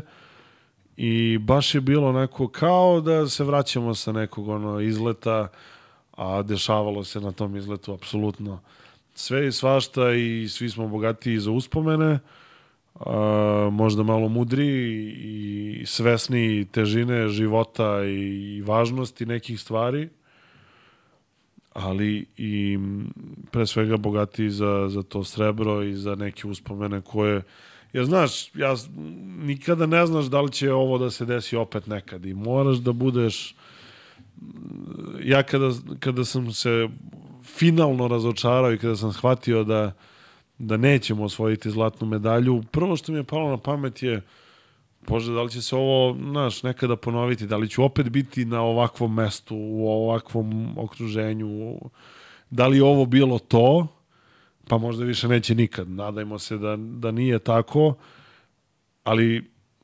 lepota tog osjećaja je baš u tome što nemaš pojma e, kada će da dođe i da li će ikada da dođe. Um, Nick Hornby, u, evo da zaključimo time, u stadionskoj groznici, to je futbalska knjiga, ali ne samo futbalska, ima taj deo, on, je, on govori iz ugla navijača Arsenala i o, objašnjava uh, kako uh, Arsenal je u 89. osvojio titulu na Enfieldu, golom Michaela Thomasa, Arsenalu je trebala pobeda od 2-0. I, a pre toga su već bili skoro osvojili titulu, pa su nešto izlupirali, nebitno. I moraju pobede 2-0 na Enfieldu. I 1-0 u 68. I u poslednjem napadu, poslednjeg, e, e, poslednjeg kola na gostujućem terenu iz neke glupe akcije, lopta stiže do Michaela Thomasa i onda je gol.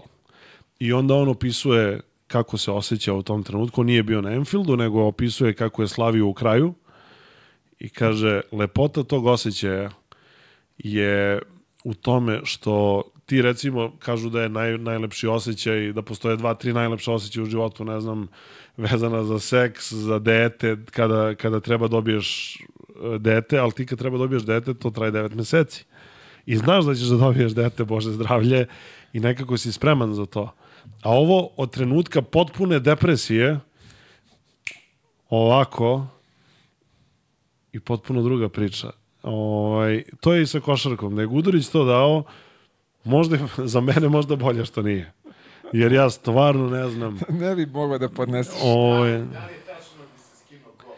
Pa vidi, evo zdah sad kad je već ovaj, Viško, moj kolega, ovaj, koga ja najviše cenim od svih ovaj, komentatora i najviše ono, no, nekako je bio od početka kao i neki moj mentor posle Litvanije mi šalje poruku kaže, o, ovo je bilo kao sve super, ma vidi, brate, meni ovo bio san, Ovaj, I sad onako dopisujemo se, više ne znam, ni ispražnjen sam rekao, ako meni ovo bio san, ako slučajno uzmemo neku titulu, ima go da se skinem u hali. I on kaže, vidi, dokumentovano. I šalje ovaj, i poslao je dalje našem direktoru i naš direktor je naravno to prosledio u našu tu neku grupu internu koju mi smo imali e, tokom prvenstva. Ovaj, tako da u suštini obećanje je postojalo, ali nikada nećemo saznati da li bi bilo ispunjeno. Čekamo sledeće.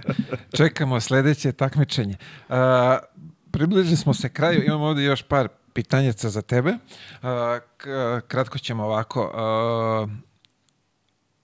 Ajde iz tvog radnog iskustva i sad koliko dugo pratiš košarku i sve što si uz košarku, daj nam neki mla, savjet za, za, za mlade igrače.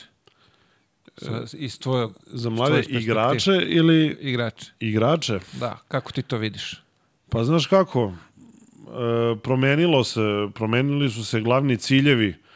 Ovi momci i dalje koji su tu, njima je glavni cilj bio da igraju mnogima od njih. Nije im bio cilj da idu u NBA, nego igraju za reprezentaciju. I sve dok je tako, meni je to super, ali ne kažem da je pogrešno težiti NBA-u. Mislim, tamo je najbolja, najbolji igrači idu tamo, najbolji ugovori su tamo, najbolji uslovi su tamo, to je jasno Definitivno.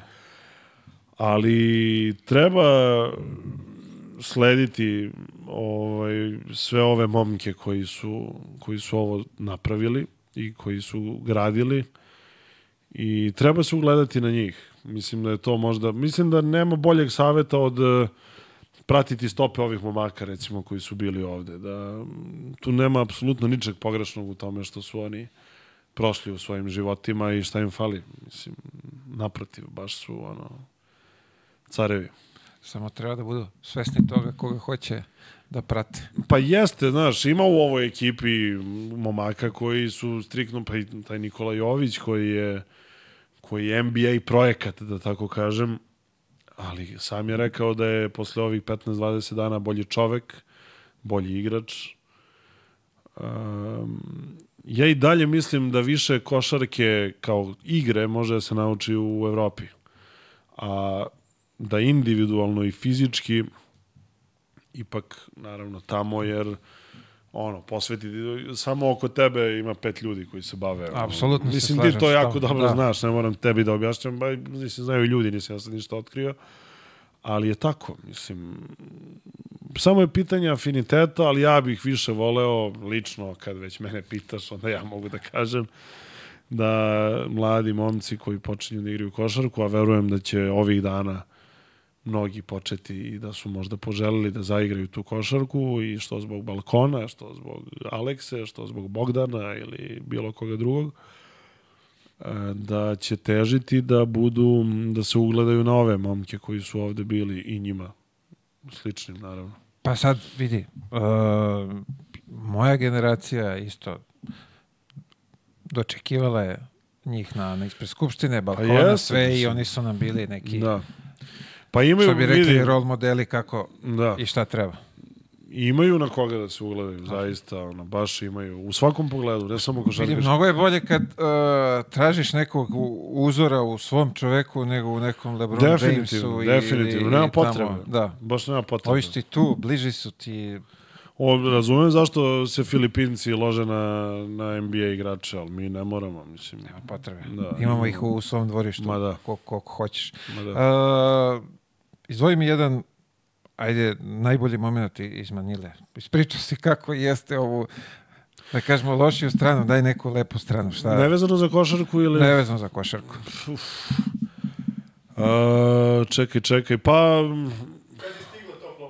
da, da, to jeste bilo olakšanje, mada tamo, ajde, kad nema tople vode, nije ni toliko strašno i onako si se kuvaš po ceo dan. e, e, šta je bilo? Pa bilo je, pro, bila je proslava ozbiljna. Posle, posle, mislim, bilo je proslava i pre toga, ali ja nisam prisustvovao. Ali posle polufinala je bila ozbiljna proslava u jednom lokalu gde je bilo jedno dvestotinak Srba možda. ljudi, ja. Da koji su generalno dolazili na utakmice i to sve zakupili su jedan deo gde se puštala srpska muzika gde su svi bili ono, u elementu. Veseli, da. veseli. I ono, pošto je to bilo, već, već su se i proširili i komentari i ljudi su preslušali i ono, kad sam ušao tamo, bukvalno osetio sam se kao košarkaš. Nije da ja patim od toga, ali je bilo mnogo lepo, stvarno i lepa atmosfera i ljudi su toliko bili srećni i baš je bilo super. Ono. Kad kažeš ušao si tamo, on se setio aerodroma, aplauz na aerodromu koji se Pa bilo dobija. je lepo i to. E, tu sam već gledao malo da eskiviram jer, jer ja sam znao da igrači idu iza mene bukvalno 30 sekundi da bi trebalo da izađu i bez obzira što je to lepo i što sam ja proživao neki svoj san i što je bilo super zaista uh, i da se razumemo, meni je milo što su ti ljudi skandirali moje ime i to, ali nekako nisam želeo da nešto bude da ja nešto tu pokušavam da se grebem za nekakvu slavu, niti je to potrebno, ne, ne, ne želim to, jer su ti ljudi došli zbog igrača, nisu došli zbog mene. Ok, super je što sam ja tu, a vidi ga ovaj, ha, ha, ha, super. Uh, I verujem da je i to bilo od srca apsolutno i velika zahvalnost tim ljudima i zaista je bilo prelepo, ali sam ipak u tim trenucima gledao da mahnem, da ne budem džukela, ali samo da se sklonim, jer znao sam da, jer je dogovor bio da oni izađu za 30 sekundi i rekao daj samo da ono, Da je uhvatim da svoje. ja se sklonim da i ono postanem ponovo samo novinar. E, za kraj, najteže pitanje. Si spreman? Nisam, ali ajde. Ali nema veze. Napravi mi uh, petorku igrača omiljenih tvojih. Inače, Tako je da su naši odavde, što bi se reklo, s ovog područja. Jel moraju da budu aktivni ili Ne, ne, ne, ne. ne moraju? Što bi se reklo, možda kreneš od kiće i praje na ovamo. Pa neću krenem od Kići i Prajer zato što ih ne cenim, nego jednostavno nisam ih gledao, gledao sam snimke, ali nisam nikada bio na njihovim na njihovim utakmicama. Pa Teodosić i Bodiroga su tu sigurno. Odmah, ono, prvi pikovi na, na draftu, što se kaže. Prvi put sam se, evo, sad je ceo narod mogao da vidi kako sam se rasplakao od sreće. Uh, prvi put sam se rasplakao od sreće kada je Milan Gurović ubacio trojku Amerikancima. Tako da Čiča ulazi u petorku na suze Čiča na i, tri. na, i na emociju. A, sad, mislim, uhvatio si ovako, verovatno bi možda u nekim drugim okolnostima bili neki drugi parametri. E, ko bi još mogao sad ovako... Pa mora da bude Aleksandar Đorđević, zaista. Apsolutno, jer ono... I, I ne samo, ne samo to što je radio kao igrač, nego i kako smo... I posle kad, sam, kad je bio selektor reprezentacije nekako kad vidiš Saleta Đorđevića, ono, čoveče, znaš, ono, pa pričaš s njim malo o košarci, pa ono, baš nekako, Gospodin čovjek. ma Sali Đorđević, mislim, ne, da, ne, da ne idemo dalje. Mislim, možda nije kompatibilna petorka, ali tražio si Nema pe, veze, pet primali smo igrača. ovde prošli sve visoki, tako da... Da, ovaj, tražio si pet igrača, daj nekog centra, ajde, ovaj, da, mada sad se igra small ball, uglavnom. Ko bi to mogao da bude još? Um, pa ne mogu sada da da se setim. Pa neka to bude ipak Vlade Divac, zato što ono, Divac je bio možda prva prava globalna institucija kada je naša košarka u pitanju, ono, Divac je bio divac. Pa Divac je bio brand, ono, tamo, u LA-u ga gotive, čuju, ne znamo gde LA, nemamo pojma, ono, ono Divac tamo Blay sa Magicom, kao, znaš, ono, da baš je bilo Divac, čoveč. Pa divac, da ti kažem. Ne moramo je da, da analiziramo Tako Dikija. je, ono, Dik je bio Diki. nekako, Znaš, jer nije, on nije uvek bio najbolji igrač, uh, ali je uvek bio nekako naj, najveći igrač. Nekako nije moglo da prođe to bez njega. Ma kako, mislim, on, znaš, kad dođe, pa, eto. Mislim, petorka nije mnogo ovaj, inventivna i nije mnogo, ovaj, znaš, sad nisam izmislio toplu vodu iz Ali Manile, ovaj izbor, ali dobro. izbor i Da. drago mi je da, da si ovaj, sastavio. Uh, zamolit ću te za jedan autograf U, ovde. Tako može, je. ovo je jaka lopta, moram, Tako da, je, moram da primetim. potpise, aukcija će posle biti neka u pitanju i za loptu. Moram da primetim. Lajda, daj, molim te, zamolim, nisam o, vino obezbedio ovde pored sebe. Napravio sam propust. Ne znamo ni ideja, tu je.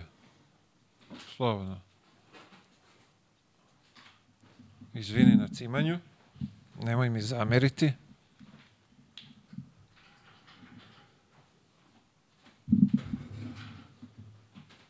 Bravo. Hvala.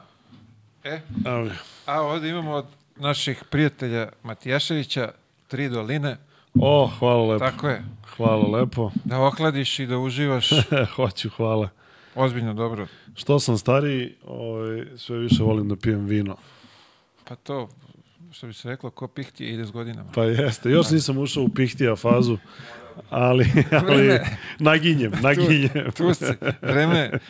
Uh, hvala ti mnogo na izrednom vremenu. Nema na čemu. Uh, meni je ovo nekako tako brzo prošlo, pitko je bilo. Nisam mnogo ovaj, moram ni da te pitam. Tebi to ide ono, savršeno. Da, da. Znamo se, znamo se. Tako je, da.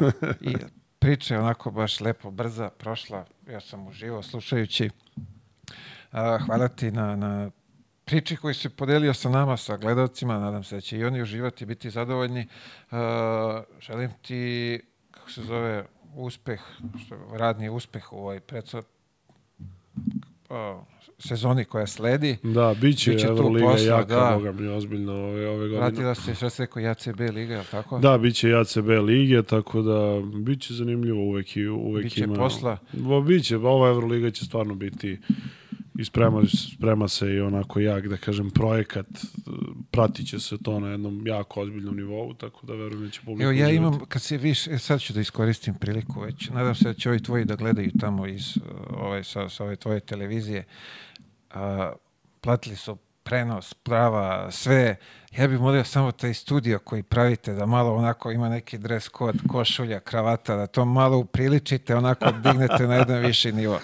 Prenesi pozdrave kogod je u pitanju Pa tamo. evo, preneo si. Evo to, da, nadam se da će neko da iseče to, da, da prosledi sport klubu. Molim vas, ljudi, platili ste toliko para za tu Euroligu, daj malo taj studio, makar malo neki dres kod da se zna kako mora čovjek da se pojavi pred kamerom. Toliko od mene. Uh, još jednom, hvala ti mnogo, želim ti svu sreću, hvala i vama, uh, dragi gledalci.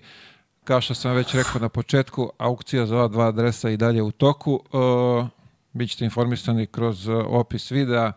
U pitanju je humanitarna akcija, tako da ko je voljan da se priključi, izvolite. Još jednom, hvala puno i vidimo se sledeće srede. Pozdrav!